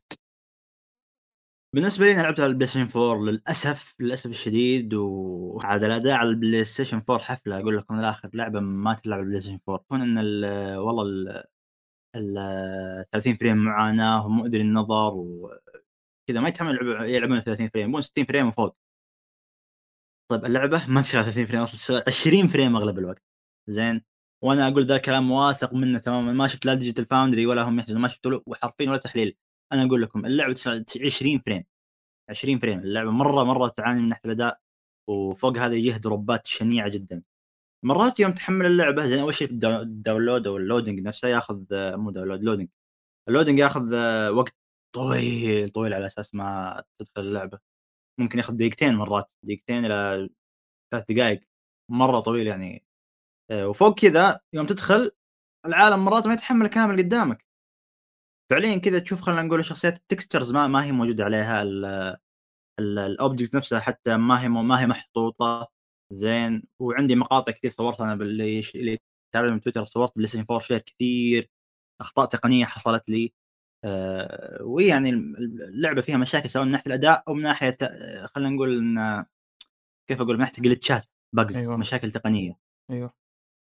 على Play 4 طبعا. لا طيب. وبعدين يجيك شو اسمه ذا اللي هو إيش كان اسمه؟ Tymon Smektała اللي هو ال designer حق اللعبة. يقول انه يوم سألوه عن ليش ما تشتغل 60 frame على ال Xbox Series S وهذا الجهاز الجديد قال إن والله المعالج حق Series S ضعيف. مين قال المعالج Series ضعيف؟ أنت ما. أنت ما تعرف تسوي optimize للعبة. أنت على ال four مشغلها 20 frame. فطبيعي السيريز اس يلا يشغلها 30 frame. جدا جدا ترى تعاني تعاني هو... جدا اللعبة. هو عموما البولنديين فيهم مشكلة مع ال optimization ما يعرفون يضبطون optimization زي الناس. هذا غير إيه، المشاكل يعني... التقنية تعرفون يعني ال glitch ات وغيرها يعني. أنا سمعت ترى إن اللعبة ال optimize حقها على ال PC ممتاز يمدحونها يمدحونها جدا يعني. أنا سمعت كم واحد كثيرين كثيرين كثيرين أه واحد أعرفه اللي هو أه وش كان؟ راكان وواحد اللي هو خالد أحمد و إي خالد أحمد. اللي تعرفه اللي هو اسكي Productions أه يقول ان لا والله ال optimization حق اللعبة على ال PC ممتاز يشغل لك اللعبة على اعدادات عالية ما في drop والله الوضع بالسليم. لكن على ال console ال console كل أجهزة تعاني حتى من ناحية المشاكل التقنية ال glitch ات ال bugs اللعبة خلينا نقول بعد نزلوا صفحة فيها أشياء بيصلحوها مع التحديثات زين؟ نزلوا صفحة خاصة بال Xbox وال PlayStation وال وال PC. ال PC كانت فيه مشاكل تقنية لا تذكر فعليا لا تذكر. هم أصلا كذا عارفين إنهم على ال PC كذا الوضع في السليم لا في شكاوي ولا ولا هم أصلا بالفحص حقهم ما شافوا فيه مشاكل كذا. اللعبة شغالة زين على ال PC. لكن على الأجهزة على ال console على سواء إكس بوكس أو بلاي ستيشن تعاني حتى على الجديد حتى على البلاي ستيشن 5 وال إكس بوكس سيريز إكس واس اللعبة يجيها خلينا نقول bugs سيئة جدا زي ما قال آه، فواز قبل شوي إن مرات الصوتيات تختفي. وأنت قاعد سو... وأنت قاعد خلينا نقول تسولف مع شخصية ثانية باللعبة كذا أول شيء حتى هم ظاهر انه في مسألة تقنية باللعبة إنهم أساسا ما هم مسوين الظاهر موشن كابتشر وكذا مخلين الشفاة تتحرك والملامح بعد تتحرك بناء على الصوت نفسه. زين؟ آه عشان كذا التعابير ميته أصلا. ولو تلاحظ بعد يوم آه يوم يتقفل الصوت يوم تختفي الصوتيات حتى الشخصية نفسها ما تحرك شفاها ما تتكلم. فاهم شلون؟ okay ساتر. فاهم يعني اللعبة تنضرب يعني. إي والمشكلة الأسوأ بعد انه في ال co-op ترى السوالف هذه تتضاعف يعني. أنا مرات تصير لي يوم ألعب single player تمام؟ بس يعني ما أتذكر صارت كثير نادر تصير. لكن يوم تلعب co-op الاحتمالية تتضاعف احتمالية ان تصادف مشاكل تقنية تتضاعف ترى بال co-op. آه في مشكلة عبارة عن اللي هي ال black screen شاشة سوداء كاملة تصير لك كذا تعلق عليك ما ما تقدر تسوي شيء. مرات آه أنا أقول لك glitch أو bug خلانا أنا وخويي ترى أنا التقييم الأول co-op ست ساعات فعليا من وقتنا ضاعت بسبب ال glitch البسيط هذا. وش ال glitch هذا؟ وش؟ يقول لك آه، ركب بمحطة كهربائية معينة ركب أسلاك على أساس إنك تشغل الكهرباء وينزل لك المصعد. زين؟ فالجلتش وش هو؟ إن ركبنا أسلاك تمام. ويقولون لنا يلا روح المصعد بس المصعد ما نزل. تروح المصعد ما نزل فعليا. تروح عند الباب وهم يقولوا لك روح المكان الفلاني تروح هناك المصعد لو طالع عليه تحصله فوق للآن. وهذه مشكلة صادفتها مع خويي ورجعنا عدنا اللعبة هو لله الحمد يعني. كان حاط تخزيني في البلس مكان خلينا نقول يبعد ثلاث ساعات عن اللي إحنا وصلنا له. زين؟ كويس. آه. ف ب... رحنا ورجعنا وصرنا جلتش مرة ثانية. يا ساتر. يا ساتر. واضطرينا نعيد من جديد فأنا قلت وش الحل؟ قلت خليني أجرب اطلع من عندك تمام؟ أنت تسوي المهمة هذه لحالك. اشبك الأسلاك لحالك؟ نزل المصعد لحالك وفعلا نزل المصعد لحاله وأنا كذا من كثر ما أنا خايف ما أبي أعيد من جديد. قلت له okay أسمع أنت كمل المهمة كلها؟ أطلع من المكان بعدين بدخل عليك. وضبط على أساس يعني ما ما تأمن اللعبة ابدا. yeah. في بداية اللعبة بداية يعني أول ساعتين ثلاثة باللعبة كان في مشكلة الصراحة غثتني ألا وهو اختفاء الأصوات. مو بس هذا مو بس اختفاء الأصوات وحركة الشفايف موجودة لا حتى المحادثات يصير لها skip ما يمديني أقرأ. أوه. والحل هذا كان فيه سبب واحد إني أروح وأسكر اللعبة ثم أعيد تشغيلها. طبعا قالوا okay ترى في تحديث بنص ترى آه واحد فاصلة صفر فاصلة أربعة إذا ما خاب ظني. ولعبت اللعبة وكان ممتاز وكنت أقول okay مم أحسن ما يكون واللعبة ما في أحسن منها. بعدها تورطت بمشكلة ثانية ألا وهي إن مرات أنحشر في بعض الأماكن. ما أقدر أعديها. نفس اللي صور لنا مبارك إياها صح؟ لا مكان ثاني. يعني مكان ثاني نفس في الفكرة. أواخر اللعبة. إيه انحشرت ما قدرت أطلع. بعدها قلت أوكي خلاص هذه مشكلة بنعديها خلاص بعد فترة ضغط ضغط ضغط لين نزلت من المكان. كنت منحشر حرفيا. حتى انه مرت ساعات ساعات وجاء وقت الليل. قلت أوكي شكلي إني بتحول وبعدها خلاص. أعيد اللعبة من آخر يعني حفظ. أيوه. بعدها طلعت الموضوع تمام. يوم وصلت على آخر اللعبة تقريبا آخر ثلاث ساعات من اللعبة صارت لي مشكلة الأصوات اللي كنت أقول إنها اختفت. يعني حتى قبل التحديث وبعد التحديث ما انحلت المشكلة. مشكلة والله هذه. والله مشكلة. يعني تخيل تختفي الأصوات والمحادثات يصير لها skip وتفاصيل الوجوه ميتة. ميتة. ما في شيء اسمه حزن اسمه فرح ما في. اللعبة ماشية على مبدأ انه ما في تفاصيل بالوجه يكلمونك كذا. كأنهم جثث ميته ما راح تعرف شيء عن القصة أو تعرف أهم أحداثها من خلال هذا الموضوع ومشاكلها. آه وزي ما قال فواز إنه نزل تحديث اللي هو 1.0.4 زين وما حل ولا شيء. حرفيا هم كاتبين بعد لستة قالوا هذه المشاكل بتنحل بنحلها. ما حلوا شيء. والله نفس نفس الأخطاء التقنية حصلت لي. وبنفس الكثرة ونفس الكمية ونفس يعني ما في فرق فعليا نفس كل شيء نفسه ما ما أدري وش التحديث هذا بس ياخذ حجم على الفاضي بعد. لا لا ثاني أنا أقول لك البولندي إذا ما نزل لك تحديث حجمه 50 جيجا بايت أعرف إنه مو تحديث ما بيتعدل شيء. يا فعليا. بس حتى 50 جيجا بايت تلقاه عدل لك شيء معين وبعدين خلاص الثاني كله مثل وجهه يعني. فعلا يعني. كلام ياتو ترى صادق جدا. ليش؟ لا. لأن المشكلة قبل التحديث ما انحلت. في آخر اللعبة بس يعني تخيل يقولون ترى المشكلة حافظينها لك بس ترى في منطقة كذا مهمة باللعبة. ترى كذا بآخر اللعبة ترى إحنا حاطين لك مشكلة هناك. أول ما تروح هناك بتصير المشكلة التقنية وفي شغلة إضافية. نسيت أضيفها. صار في طنين.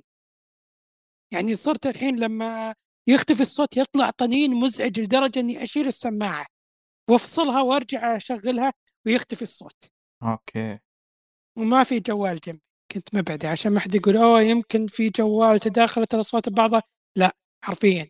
صوت الطنين هذا جديده يعني تخيل قبل التحديث حق الاصلاح كانت المشكلة بس يختفي الصوت والأوضاع تمام. خلاص سكر اللعبة وشغلها. الحين لما بعد التحديث قبل لا يختفي الصوت يطلع طنين. مزعج. حرفيا كي تشيل السماعة تقطع.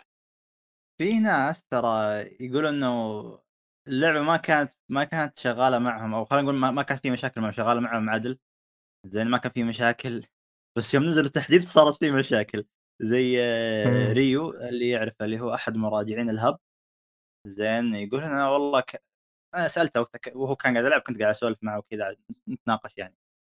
آه... شو اسمه ذا؟ قلت له هيه ترى في تحديث نزل. في تحديث نزل حدث على أساس أنك يعني تضمن انه ما يكون في مشاكل تقنية. قال لي أنا بعد ما حددت صارت المشاكل التقنية هذه ما كان كان الوضع في السليم يعني ما كان في أي مشكلة.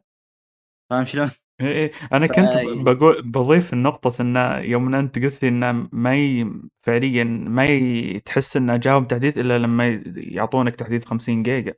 بس أنا قلت لك هذا إذا إذا ضبطت حتى ما زادت المشاكل أو إن جاتك مشاكل برضو إضافية. فالبولنديين يا أخي مشكلة. أنا أتوقع ياتو ختم كل المشاكل التقنية. إيه أتوقع يعني أذكر إني شفت له مقطع منزله في تويتر. العالم قاعد يتحمل يعني تخيل خلص اللودنج والعالم ما تحمل. قاعد كذا قاعد يناظر يمين يسار كذا. ما في يعني مختفي العالم حرفيا. تصحيح أيوة. العالم مو كان قاعد يتحمل فعليا ما تحمل. كذا تحمل نصه ودخلوني باللعبة. أنتظر أقول ها يمكن تحمل الحين يمكن تعدل المشكلة. لا. العالم ما زال ناقص. إذا خلينا نقول طبيت مكان معين زين مكان كذا يطلع لي برا ال map فاهم شلون؟ كذا طبيعي كذا نص ال map موجود نص ال map ما هو موجود. صارت لي أكثر من مرة ترى صارت لي ظهر ثلاث مرات ولا أربع مرات. وكلها تجي بسبب ال co-op ترى. يعني ال co-op يعني زي ما قلت لكم ترى بسبب كثرة الأخطاء التقنية عندي ندخل ال co-op ال co-op المشاكل التقنية تتضاعف.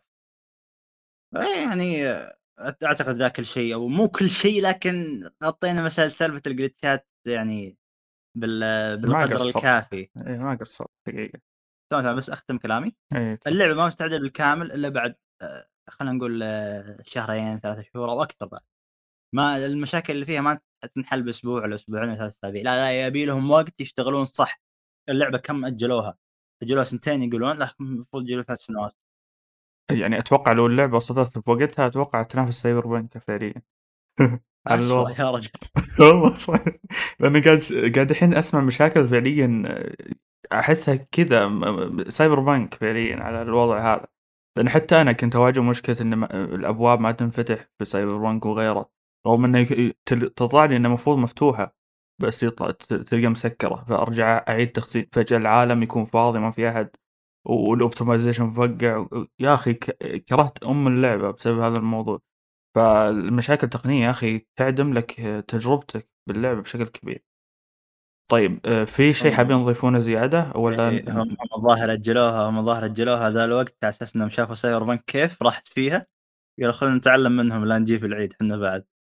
المشكلة إيه ما استفادوا بعد ما ما ما تعدلوا زين ما ما ما, ما عدلوا وضعهم ما زال في مشاكل تقنية بالهبل.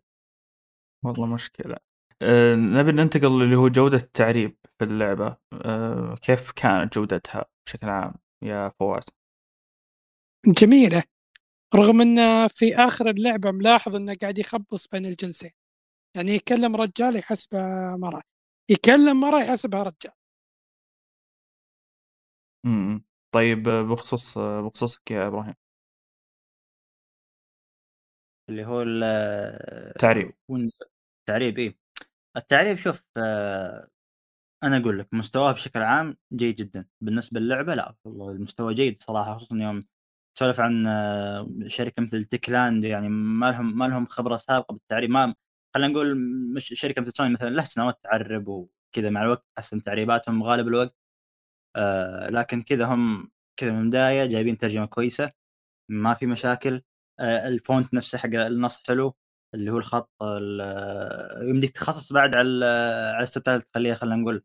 أنا أبي المتحدث يكون باللون الأحمر، أبي حجم الخط يكون أكبر، زين، فإي ه هذه هذه تعديلات وبنفس الوقت أنا أقول لك ال السوالف هذه ترى تفرق من شخص لشخص، أنا مثلًا أحب أحط اللون الأحمر كمتحدث زين، إحنا نسولف عن بس نتكلم عن الترجمة بشكل عام النصوص نفسها. آآ أنا أحب اللون الأحمر لأنه يجذب انتباهي، وهو أصلًا زي ما نعرف اللون الأحمر له أكبر طول موجي آآ عشان كذا أنا أشوفه يجذب يجذب آه، يجذب عيني يخلّيني صحيح. أشوف مين المتحدث، إيه؟ إيه، إيه صحيح. والمستوى بشكل عام كترجمة لأ جيدة جدًا، جيدة جدًا. و فوق كذا خلينا نقول آه، في في في مشاكل، في مشاكل، أنا ما أقول ما في مشاكل، مثلًا بعض المصطلحات ترجمتها سيئة، م مرات أنا أقول لك المترجم يحب يتفلسف، زين أنا أنا أحب ترى المترجمين اللي يتفلسفون أحبهم أنا، لكن آه، مرات كذا تعرف اللي يشطحون فاهم شلون؟ الفلسفة اللي الله يحرمنا منها. الله اللي الله يحرمنا منها، أي بالضبط. آآ أنا أحترم بشكل عام المترجم اللي يتفلسف لأنه ما يحب يكون حرفي بزيادة، ما يحب يكون خلينا نقول مقيد بشكل كامل بالنص الإنجليزي، لازم هو بنفسه آآ يتحكم بالنص، ما يخلي النص يقيده. لكن مترجم Light 2 لأ، حب يبدع زين، مرات أغلب المرات بالعكس يبدع بالصياغة، يبدع ب مو إبداع كبير يعني خلينا نقول، لكن أحسن من المتوسط. وبعيد عن الحرفية بشكل كامل و خلينا نقول آآ جيد جدًا، جيد جدًا، ولو إنه مرات خلينا نقول يجيب العيد، يجيب صياغة خ تجيب معنى مختلف، أنا طبعًا أسمع بالإنجليزي وأقرأ بالعربي عشان كذا أعرف وش الأعياد اللي يجيبها المترجم، مرات يجيبوا مشاكل بالصياغة، مرات زي ما المصطلحات، بعض المصطلحات. فإي هذا بخصوص التعريب بنظري. طيب شوف آآ هل يعني خلينا نقول إذا كان شخص لغته ما هي ذاك الزود بالإنجليزي، هل ممكن يعتمد على العربي وراح يستمتع بتجربة ممتازة باختصار؟ إي أنا أقول لك يعتمد على العربي والعربي أصلا زي ما قلت جيد جدا بيوصل لك القصة بشكل كامل وزي ما إحنا نعرف إنك حتى لو تعرف إنجليزي إنك يعني تقرأ بلغتك الأم شعور مختلف تماما. أنا شخصيا أقدر ألعب اللعبة الآن بدون إنجليزي بدون عربي قصدي وأفهم كل شيء بشكل كامل يعني. لكن أنا أحب أقرأ بالعربي عشان العربي لغتي وال- وإذا كان المستوى جيد ليش لا؟ أقرأ عربي ترجمة عربية وأسمع إنجليزي مو مشكلة. آآ اللي لا والله إنجليزتي سيئة بالعكس بيستفيد كثير، بيستفيد كثير خصوصًا لأن اللعبة أصلًا فيها زي ما نقول حوارات كثير ممكن ما يفهم الطبخة، وأوصاف كثير يعني يبي يفهم وش وش يسوي الأيتم هذا بالضبط، ما يحتاج يطلع مترجم من جوجل كل شوي، فإي الترجمة بتفيد ناس كثيرين كثيرين، الت التعريب عمومًا أنا أقول لك ما حد ما بيستفيد من التعريب، التعريب الكل بيستفيد منه سواء إذا أنت مخضرم خلينا أو مو مخضرم إيش دخل مخضرم، إذا خلينا نقول عندك علم بال باللغة الإنجليزية والّا ما عندك علم تستفيد. ممتاز. هو. فعلًا أيوه. الترجمة مثل ما قال صاحبي أتو جدًا جميلة، يعني وصلت المرحلة إنك أنت تقدر تعتمد عليها، تقدر تتكل عليها. طبعًا إحنا ما نتكلم إن تقارنها مثلًا بلعبة Guardian of the Galaxy اللي كانت خبصة من ناحية العربية ما يُعتمد عليها، لأ هذه يُعتمد. عليها. حتى حتى لو إن ما عندك أي معرفة بالإنجليزي، راح تستمتع بالترجمة وفيها فعلًا تفاصيل وأشوفه من ناحية دوب أشياء كثير يعني مشت بمستوى مرة جيد. ممتاز. طيب قبل ما نعطي رأينا المختصر عن اللعبة، طيب هل هل فعلًا هذا الجزء تقدر تقول إنه تطوّر عن الجزء السابق، آآ والّا كان تقدر تقول إخفاق من المطورين؟ اللعبة لأ، اللعبة طموحة، المطورين كان عندهم أفكار يبون يطبقونها، اللعبة أبدًا ما هي نسخلص، سواء من ناحية قتال، من ناحية باركور، أشياء كثير متحسنة. هذا من ناحية الأساس، الأساس نفسه متحسن وبشكل ممتاز يعني بشكل جذري، لكن زي ما قلنا قبل شوي ال المحتوى هو المشكلة، المحتوى آآ خلينا نقول لو إنك خلينا نقول جبت أفكار عظيمة ما في فايدة إذا كان تطبيق مش ولا بد يعني. لازم يكون تطبيق خلينا نقول يوازي مستوى الأفكار اللي أنت قدمتها. فإي اللعبة لأ تجدد، اللعبة فيها طموحة، اللعبة فيها، فيها وفيها لكن ما زالت تشوف بعض المشاكل اللي ممكن تخليها آآ خلينا نقول مو أفضل من الأول بكل النواحي. أنا أشوفها أ عمومًا أنا أشوفها أفضل من الأول تمام، لكن في نواحي ال الأول قدمها أفضل مثلًا ال الليل، الليل أنا أشوف بالأول لا والله ممتاز جدًا، ويك يكافئك وبنفس الوقت يعاقبك إذا أنت أخطيت. فإي أنا أشوف إن لا والله شو اسمه ذا الجزء الثاني كان طموح جدًا، والمصممين ما قصروا فيه. طيب رأيك يا فواز بشكل مختصر عن اللعبة، وهل تنصح الناس إنهم يشترونها الآن؟ اللعبة جميلة. قدمت يعني عالم جدًا جميل، مع شخصيات وللأسف ما منها فايدة بشكل كبير. يعني راح تنساها مع الوقت، راح تندمج معها بالبداية، ثم تنساها مع الوقت، ما راح تتذكر إلا قلة قليلة منهم. خذت الباركور لمستوى ثاني، انتقلت يعني من مستوى الجزء الأول للجزء الثاني بnext gen حرفيًا بالمعنى الحرفي، لكن التطبيق في الليل ما يوصل شعرة من الجزء الأول، لأن الجزء الأول فعلًا راح تتحاسب على كل حركة غلط، وبنفس الوقت إذا أنت جبت العيد راح تحس بالخوف ينزرع فيك، تحس إن اللعبة قلبت من لعبة survivor إلى رعب، حرفيًا تحس إن في ناس بيطاردونك، في ناس راح ينهونك، لكن بالجزء الثاني لأ، الليل مو أكبر همك، خلاص كمل ولا عليك، حسوا فيك الزومبي ما حسوا لا تشغل بالك. بالنسبة لي هل اللعبة تستحق الشراء أو لأ؟ في الوقت الحالي إذا كان عندك جيل قديم وأتكلم هنا عن PlayStation 4 أو Xbox One فلا تشتري اللعبة، ولا تقربها أبدًا. لكن إذا عندك Xbox Series أو PlayStation 5 بتكون اختيار جدًا ممتاز، ويا حبذا تنتظر التخفيض. منها تنحل المشاكل ومنها راح تقدم تجربة جدًا ممتازة. طيب إبراهيم. آآ بشكل عام Dying Light 2 يعني زي ما قلنا قدمت أساس قوي جدًا، قدمت أفكار ممتازة آآ بس زي ما قلنا التطبيق كان نقطة خلينا نقول تخليها مملة مرات آآ يعني كان ممكن تكون لعبة أفضل من كذا بكثير، بكثير، بكثير يعني. أنا متأكد يعني لو اللعبة هذه جات بأيدي خلينا نقول مخرج ممتاز، كانت بتكون شيء مختلف تمامًا. اللعبة يعني لها potential عالي فعلًا، آآ وهذا اللي أنا كنت أقوله يعني بال يوم كنت أشوف تريلرات، يوم كنت أشوف ال شو اسمه ذا، يوم كنت أسمع مقابلات المطورين والسوالف هذه، اللعبة فيها أفكار تخليك تتحمس لها فعلًا، والأفكار هذه موجودة، لكن تطبيقها كان خلينا نقول ما هو ذاك الزود، وكان ممكن يخل كان ممكن يكون أفضل بكثير من كذا. آآ لكن بشكل عام اللعبة ترى ما هي سيئة، اللعبة بالعكس ممتعة جدًا. آآ إذا أنت خلينا نقول من النوع اللي ما يركز على بعض السلبيات كثير ممكن تعطيها حتى تقييم عالي جدًا، لأن اللعبة خلينا نقول قدمت اللي اللي هي تبيه، زي من ناحية باركور متميز، من ناحية قتال بالشكل خلينا نقول آآ الشكل المطلوب. قدمت بعض الأفكار بالشكل بشكل ممتاز وبعضها أخ أخفقت فيها، لكن يعني آآ أنا إذا باعطيها رقم زين أنا أقول إذا جمعنا كل السلبيات والإيجابيات اللعبة تستاهل آآ 7.5 من 10 أو 7 من 10 أنا أعطيها 7.5 شخصيًا لأنه في مشاكل ما أثرت على تجربتي، لكن برضو في مشاكل يعني خلينا نقول إذا أنصفنا اللعبة لأ تستاهل 7 من 10 اللعبة ممتعة جدًا آآ وزي ما قلت إذا أنت ما ركزت على بعض السلبيات كثير استمتع فيها. طيب تنصح الناس إنهم يشترون حاليًا والّا يفضل إنهم ينتظرون مثلًا تحديثات والّا تخفيض؟ أو هذا الشيء يعني شيء من هذا القبيل يعني؟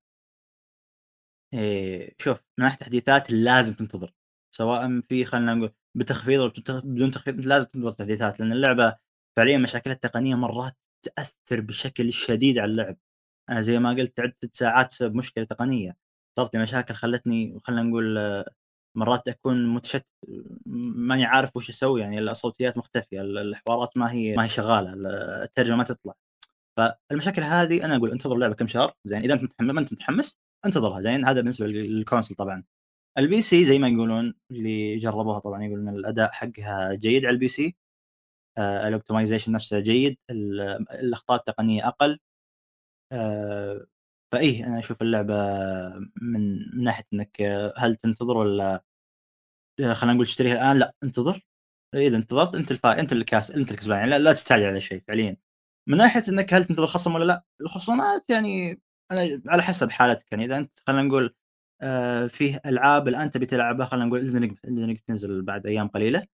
آآ أجل اللعبة، اللعبة الآن لا تلعبها، العب ألعاب ثانية زين، لأنك ب بكل النواحي إذا أجلت تستفيد سواء من ناحية خصم أو من ناحية آآ حل مشاكل تقنية.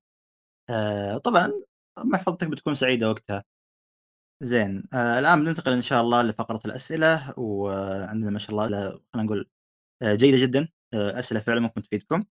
السؤال الأول من مبارك، مبارك كان المفروض يحضر لكن جاه ظرف للأسف، لذا بناخذ سؤاله الآن ك يعني على أساس خلينا نقول أنا بصراحة كان ودي يشارك، ومجرد مشاركته بالسؤال أص أشوفه يعني شيء إيجابي وممكن ي يوسّع من آفاقنا شوي. تقديم الخيارات باللعبة من وجهة نظركم، هل كانت بالشكل الكافي؟ وهل الخيارات مؤثرة على مسيرتك أن أم أنها مجرد خيارات لحظية تشوف تأثيرها بشكل بسيط بدون لا تأثر؟ أو وهل هل كانت الخيارات منطقية والّا فيها من تناقض الشيء كثير؟ الخيارات زي ما فصلنا أنا وفواز في ف في فقرة القصة آآ مرات إيه ومرات لأ، مرات تكون مؤثرة مرات تكون ما لها قيمة، لكن بشكل عام في في تأثيرات أنت لازم بشكل عام تركز يعني وتعرف وش تختار و يعني تدرس وش اللي ممكن وش الاحتمالات اللي ممكن تحصل على كل خيار وتختار بعدها. هل الخيارات منطقية والّا فيها من التناقض شيء كبير؟ في خيارات فيه تناقض. أنا أعتقد أنا أعتقد إني فهمت وش يبي يوصّل مبارك من السؤال هذا، ممكن يكون غريب للي ما لعب اللعبة، لكن في خيارات خلينا نقول تنتهي إن ب بأشياء ما ما كانت متوقعة. يعني زي ما قلنا إحنا مرات تختار إنك تكون مع keepers بالنهاية يخ يخلّوك مع الsurvivors ليه؟ طيب أنا اخترت إني أكون مع الpeace keepers قبل؟ هذا تأثير غير منطقي. أو مو تأثير أصلًا ما في تأثير، فعشان كذا الخيار هذا ما صار منطقي، دام إني اخترت فلان ليش يحطون إعلان؟ آآ وإي في تناقض. يعني في أنا ما أبغى أحرق صراحة، لكن في شخصيات في شخصيات بعض الخيارات متعلقة فيها آآ تخلّيها شخصيات متناقضة نوعًا ما آآ إذا اخترت خيارات معينة. فإي أنا أشوف إن الخيارات لازم تركز فيها يعني مقدمة بشكل جيد خلينا نقول، لكن بنفس الوقت ما هي مثالية أبدًا، أبدًا فيها مشاكل. ممكن ممكن إيه ممكن تأثر على على خلينا نقول تجربتك، مرات تستغرب تقول هيه أنا مو اخترت كذا ليش حطوني ليش حطوني مع مع كأني اخترت خيار ثاني، فإيه. هذا بخصوص السؤال الأول. طيب عبد الله الصحاح يقول بعد تقديم اللعبة هل فيها محتوى جانبي يستحق؟ آآ وإن ال500 ساعة هذه كانت آآ فعلًا يعني تقدر تقول شيء يستحق ال اللعب والّا إنها كانت مجرد دعاية فقط لا غير يعني؟ هو أنا تكلمت عن مسألة 500 ساعة في ال يوم تكلمنا عن المحتوى عمومًا، اللعبة فيها خلينا نقول ماب ضخم وواضح إنه موظف للباركور لأنه فعلًا تصميمه كباركور جيد، لكن بالمقابل حشوه بمحتوى مكرر، فاهم شلون؟ يعني 500 ساعة هذه كان ممكن تصير فعليًا آآ أنا أقول لك اللعبة مع المهمة الجانبية مع كل شيء بدون تكرار توصل 100 ساعة بالكثير. أنا أقول لك إياها يعني، اللعبة ما فيها ما فيها خلينا نقول المحتوى اللي مرة، مرة لازم خلينا نقول آآ تستكشفه وخلينا نقول مثل The Witcher والّا مثل Skyrim لأ أبدًا، أبدًا. اللعبة كذا استكشافها حق إنك والله تلعب مهمات أساسية، بعدين تقول يالله أبي أغير جو خليني أشوف النشاط الفلاني والّا أروح لمهمة جانبية كذا أشوف شخصيات جديدة والّا شيء. طيب طيب يقول لك برضو عبد الله عدم وجود save ي اللي هو تقدر تقول الحفظ السريع آآ في اللعبة هل له أثر سلبي؟ لأن في أكثر من نهاية حسب اللي هو ما هو واضح في اللعبة. هم ترى ال ال الsave اللي هو ال الbackup الbackup اللي يسموه ما أدري إيش يسموه الصراحة لكن الزبدة أضافوا save يدوي على شكل تحديث على الPC إذا ما خاب ما أضافوا الآن على الكونسول لكن أضافوه على الPC هذا متأكد منه يعني. و يعني ما أدري ليش ضايفينه مع كتحديث يعني اللعبة واضح أنت تحتاج إنه يكون فيها save.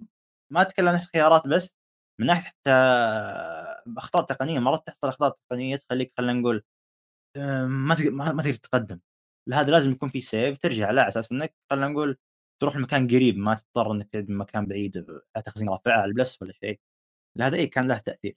آآ هو كان آآ كم نهاية كانت باللعبة؟ آآ ما شُفت النهايات كلها لكن أذكر كانت 3 أو 4 نهايات، أنا فتحت نهايتين أو لأ باقي ما فتحت نهاية لكن شُفت نهايتين، شُفت نهاية آآ أو لأ أول شيء لعبت نهاية اللي هي النهاية الأفضل، شُفت نها نهاية true ending اللي هي، وفي نهاية ثانية اللي آه، اللي هي كذا تعرف اللي لا هي جيدة ولا سيئة كذا ما بين هذا وذاك، ما باحرقها طبعًا، والنهاية الثانية ما شُفتها الصراحة.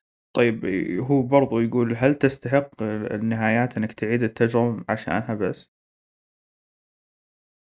آآ لأ ما تسوى تعيد كل ذا عشان بس تحصل نهاية، شوفها باليوتيوب، شوف ال شوف وش النهاية الثانية والنهاية الثالثة، تشوف وش الخيارات اللي كان ممكن توديك للمسار الفلاني، أو إنك إيش، خلينا نقول أول تختيمة تلعبها single player أو أو مع خويك، والتختيمة الثانية العكس على إنه يعني يكون في فرق بالتجربة فاهم شلون؟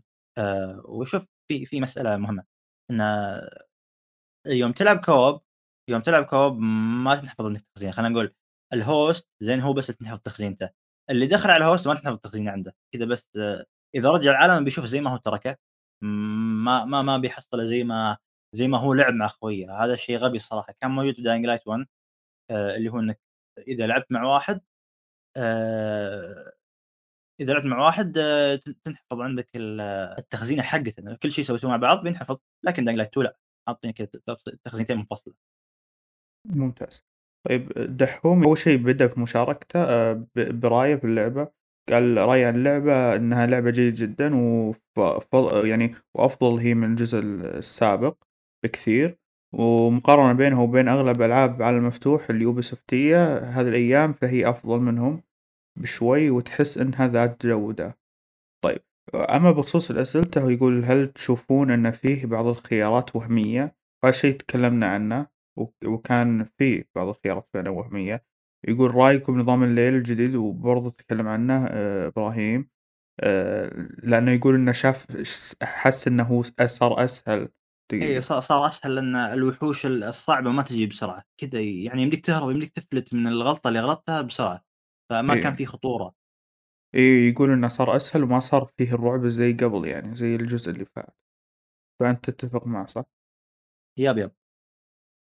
طيب بتكلّم برضه عن نظام التسلُّق إبرا إبراهيم والمهام الجانبية آآ برضه لأنه يقول إنه يقول إنه يعني دحّوم يقول إنه الصراحة يشوف فيها تفاوت آه، أسطوري وأفضل حتى من قصة اللعبة، هل هذا صحيح؟ أو هل آآ توافقه يب بالأصح؟ في إي، إي في مو بالضرورة أفضل من قصة اللعبة لكن لأ إي صح من ق من ناحية قصة إي مرات ترى في جانبية كتابتها جيدة أو خلينا نقول فوق جيدة مرات، أحسن من القصة بكثير، تحس إن كذا الكاتب حق اللعبة هذه ال ال القصة وكاتب المهام الجانبية مختلف، وفعلًا ترى اللعبة كتابها تغيّروا لو تشوف أخبار اللعبة، ترى في الstaff عمومًا عانى من تغييرات. صحيح إيه. الكتاب مرات تغيّروا، ال أحد المخرجين طلع، الdesigners ما كانوا ثابتين، فإيه مرات ممكن تشوف المست مستوى اللعبة في مكان معيّن أسطوري، مستواها في مكان ثاني لأ، أي وبرضه يقول إنه يعني في بعضها سيء وزي نظام ألعاب Ubisoft يعني بشكل عام. يب، هي بين كذا وكذا، آمم، بس إذا كان بشكل عام جيدة، إذا قلنا المهام الجانبية وش مستواها بشكل عام، لأ المهام الجانبية جيدة، خلينا نقول أحسن من المتوسط في ألعاب العالم المفتوح الآن. الغريب إنك تتكلّم عن إن ما فيها جلتشات كثيرة. آآ والجلتشات اللي جاته بسيطة، ما أدري يمكن هو يلعبها على الPC See لأن أنت تقول إنه في الPC آآ وضعها أقل حسب ما اللي هو تعرف يعني، خلال اللي هو تجارب الناس الثانية. لأ دحوم أعتقد أنا شُفت له ب بلايستيشن 5 Share يعني هو لعبها على بلايستيشن 5 والحق ينقال أداء اللعبة على أجهزة الجيل الجديد أفضل بكثير من ال من القديم زين، مع إن كلهم يعانون لكن الجيل الجديد أفضل، وبنفس الوقت آه، زي ما قُلت أنا لعبت كوب ترى الكوب تتضاعف فيه احتمالية إنه يجيك glitch. فالظاهر هو لعبها single player طول. ممتاز. فهد قال عن سالفة ال اللي هو هل تستاهل الشراء وتكلم عن الموضوع، وقال إنه يعني بما إنه استوديو بولندي يعني باختصار، فيا البولنديين ما تضمنهم لكن نتمنى إنهم يصلحون أخطائهم عمومًا. آآ بالضبط. أوكي، سير دانكن الطويل الاسم الغريب هذا، يقول هل لعبتوا الجزء الأول آآ وكيف كان مستواه بشكل عام؟ وتكلم اللي هو عن آآ الجزء الثاني وإنه آه، وإنه يقول إنه في هل كان في تغيُّر كبير وغيرها، تكلمنا عنه بخصوص المقارنة، لكن اللي هو هل لعبت الجزء الأول وكيف كان مستواه بشكل عام يعني؟ طبعًا أنت يعني لعبته وحبيته يا إبراهيم صح؟ إي الأول أنا fan للأول. Yeah وأحسك وحبيته أكثر من من الثاني وهذا الشيء ذكرته أنا حتى في يوم واتس في الواتساب وأنت قلت لي بوضح الأمور في البودكاست. لأ، أنا ما ما ما أقول إني أشوف ال الأول أفضل، أنا بالعكس أشوف الثاني أفضل ترى، لكن الثاني خلينا نقول مشاكله كانت بارزة أكثر، فاهم شلون؟ مشاكله كانت إمم. بارزة أكثر ورغم إنه متحسن من أغلب النواحي يعني تشوف okay gameplay وش وش أفضل؟ ال Dying Light 2 آآ من ناحية الباركور الأفضل Dying Light 2 من ناحية آآ تنوع الأعداء الأفضل Dying Light 2 يعني شوف الأساس نفسه رهيب، لكن المشكلة بالتطبيق، التطبيق نفسه ما كان ذاك الزود عشان كذا بعض الناس ممكن لأ ما يحسون إن خلينا نقول اللعبة ما هي بالمستوى الأول، أنا بالعكس أنا أشوف إنها بأحسن من المستوى الأول، لأني أغلب الوقت أركز على القتال وعلى الباركور آآ، ولو إني تعمقت في اللعبة لكن زي ما زي ما أقول إذا أنصفتها باعطيها 7 من 10 وحتى الجزء الأول يستاهل 7 من 10 لو كنا فاتحين في 2015 كان سفينة المجال لكن إيه إحنا نسولف عن الجزء الثاني. طيب آآ شو اسمه، تحيّم يقول إنه شو اسمه، هو يقول ما لعب اللعبة، بس هل القصة صحيح كانت غير مهمة لدرجة إنه آآ ممكن تسبب لك الملل في اللعبة؟ لعدم وجود هدف من اللعب حسب كلامه؟ آآ لأ، القصة مهمة، آآ بغض النظر عن مستواها جيد والّا لأ، نقول لك مستواه بالكاد مقبول، يعني مستوى متواضع جدًا، لكن آه، ال القصة مهمة. عشان كذا ما يمديك تتغاضى عنها، الحوارات كثيرة، في نظام خيارات، آه، الأشياء هذه تخلّيك آه، خلينا نقول تعطيها أهمية، ما يمديك تتغاضى، ما يمديك تتغاضى أبدًا، يعني في الأول الأول اللي يلعب الأول يقول ها يالّا أنا بالعبها عشان عشان القصة، لأن أولًا المشاهد قليلة واللعبة قصيرة، زين، أغلب التركيز على الGame play. بس الثاني لأ، قال يالّا أنا أبغى أبغى أسوي قصة زين، وقام حط قصة وخلاها زي وجهه، مع نظام خيارات جيد نوعًا ما، لكن إي القصة مهمة آآ، لكن المشكلة زي ما قلت بمستواها، بمستواها العام. ممتاز. فيصل Elden Ring يقول من وجهة نظري أشوف اللعبة ممتازة لكن كانت تحتاج شغل أكبر على مستوى الكتابة كانوا يقدرون يطلعون شي يطلعون اللعبة بشكل أفضل يعني بكثير. هل توافقه؟ يا أنا هذا هذا اللي أنا قلته،. قلت إن اللعبة فيها مقومات رهيبة جدًا، ممكن تخلّيك تسوي أحسن لعبة بالعالم يا رجل، لكن إيه، م خانهم التطبيق و وجابوا العيد. يعني الظاهر إن ظروف ظروف اللعبة بعد أثّرت على هذا الشيء زي ما زي ما قلت إن مرات تروح مكان تحس إن اللي سواه اللي صمم ذا المكان مختلف عن صمم المكان الثاني، اللي كتب القصة هذه مختلف عن كتب القصة الثانية، عشان كذا إيه آآ الظاهر بال بالع بعملية التطوير هذه أثّرت بشكل كبير على مستوى اللعبة. أما بخصوص أسئلته لأنه هو ذكر برضو أسئلة، الأسئلة كانت مشابهة للي طرحناه سابقًا فما ودنا نكرر الموضوع هذا. هو آآ مودي 16 آآ يمدح عمومًا اللعبة بشكل عام، ويقول إنها آآ كانت أفضل من الجزء الأول في أغلب الأمور، ويقول هل تشوفون اللعبة لو كانت خطية ممكن تكون أفضل من إنها تكون متشبعة يعني أقصد متوسعة بشكل كبير يقصد؟ آآ أنا أوافقك في هذه المسألة. لو كانت القصة آآ لا، لأ ثواني القصة نفسها لأ أنا ما أتفق، أنا أقول لك تنوع الخيارات غطى على سوء القصة بالنسبة لي. لكن ال الإستوديو زي ما قلنا إحنا حَب يقدم نظام خيارات، بالتالي خلى الحوارات أكثر، بالتالي طبعًا إذا شال نظام الحوارات بيخلي الحوارات أقل، نظام الاختيارات قصدي إذا شال نظام الاختيارات بيخلي الحوارات أقل، بالتالي ممكن تصير اللعبة نفس الجزء الأول، يصير القصة ما لها أهمية. آآ وأنا سبب ذا الشيء لأن أصلًا هم كانوا مركزين على القصة، يبون القصة تكون حلوة زين، عشان كذا جابوا 20,000 كاتب، وما أدري مين ضحك عليهم قال إذا جابوا 20,000 كاتب تصير القصة حلوة، لكن هذا اللي سووه عاد. فإي لا أنا أشوف نظام الخيارات نفسه آآ كان الظاهر أنا شوف أظ أنا أقول لك، نظام الخيارات صمموه مو الكتاب أنفسهم زين؟ كذا جاء جاء جاء المصمم نفسه مصمم اللعبة قال هي أنا أبغى تسوي لي تسوي لي آه، نظام خيارات زين إذا اخترت الخيار الفلاني يصير كذا كذا كذا وأنت يلا سوي الأحداث اللي تبيها. تمام؟ كذا حطها بال... هو يعطيك سيتنج يقول يلا أنت تسوي الأحداث اللي تبيها اسرد القصة هذه بالشكل اللي تبيه زين؟ يعني عشان كذا أعتقد أنا طبعا قاعد أكيس الآن لكن زي ما قلت اللعبة من ناحية اختيارات تم تم تطبيقها بشكل جيد عشان كذا. إيه يعني ما شفنا شيء سلبي. طيب تركي 99 الشرطة تحت زيرو. يقول هذا هذا. اللي لعبت معه ترى. Yeah. يقول أهم سؤال عندي كيف كانت تجربة ال grappler okay. معكم مقارنة الجزء الأول. ال grappler اللي هو الحبل أنا كنت أسمع أصلا وأنا ألعب معاه كان يسب ال- ال grappling hook يقول الأول احسن الأول اسهل شوف أنا لا بالعكس أختلف بشدة ال grappling hook آه، بالجزء هذا أفضل. لأن أول شيء الأو... اللي بالأول ترى ما كان واقعي زين وكان يخليك تهج من المواقف بسهولة ويصير له load بسرعة زين يمديك أنت تستخدم ال grappling hook ترى بشكل متكرر فاهم شلون؟ آه خلينا نقول حتى لو كنت بالليل وجاء يبي ينقضون عليك الوحوش يمديك تهرب بس كذا بال grappling hook تروح تحدد على مكان وبينقل لك لها على طول. هذا نظام ال grappling hook بالجزء الأول. بالثاني لا صرت كذا زي زي اللي تعلق الحبل فوق وتتعلق فيه وتمشي على الجهة الثانية مثلا هذا يمديك تسوي يمديك تسوي شيء مشابه للاول لكن مو إنك تروح المكان اللي حددت عليه بس يجذبك له. الحبل كذا انت تسحب نفسك المكان ذاك لكن مو مو شرط توصل له. فاهم شلون؟ والمدينة نفسها متصممة بشكل مثالي يدعم ذا الشيء يدعم إنك تعلق فوق ويدعم على إنك خلينا نقول مرات أنت والله ما وصلت للحافه عندك تسحب لنفسك اللي عنده وتوصل لها بسرعة. آه، مرات هذا الشيء هذا الشيء يصير بعد مع ال- ال glider مرات ال glider كذا تحس إنه يطيح تحت ما يمديك تلحق لهذا أفضل خيار تستخدم قرب فأي أنا أشوف قرب باللعبة هذه أفضل من الأول بكثير. الأول أصلا ترى ما كان قرب حقه كثير يعني. أه، منصور يقول هل نظام شجرة المهام كان مكافئ وموازن لعالم اللعبة؟ آه، شجرة المكافآت زي ما قلت أنا تكلمت عنها قلت إنها ممتازة لكن في مهارات غبية المفروض يحطونها في البداية. وبرضه ترى آه، خليني أضيف نقطة ثانية. آه، في مهارات تعرف اللي آه، تطورها level واحد level اثنين.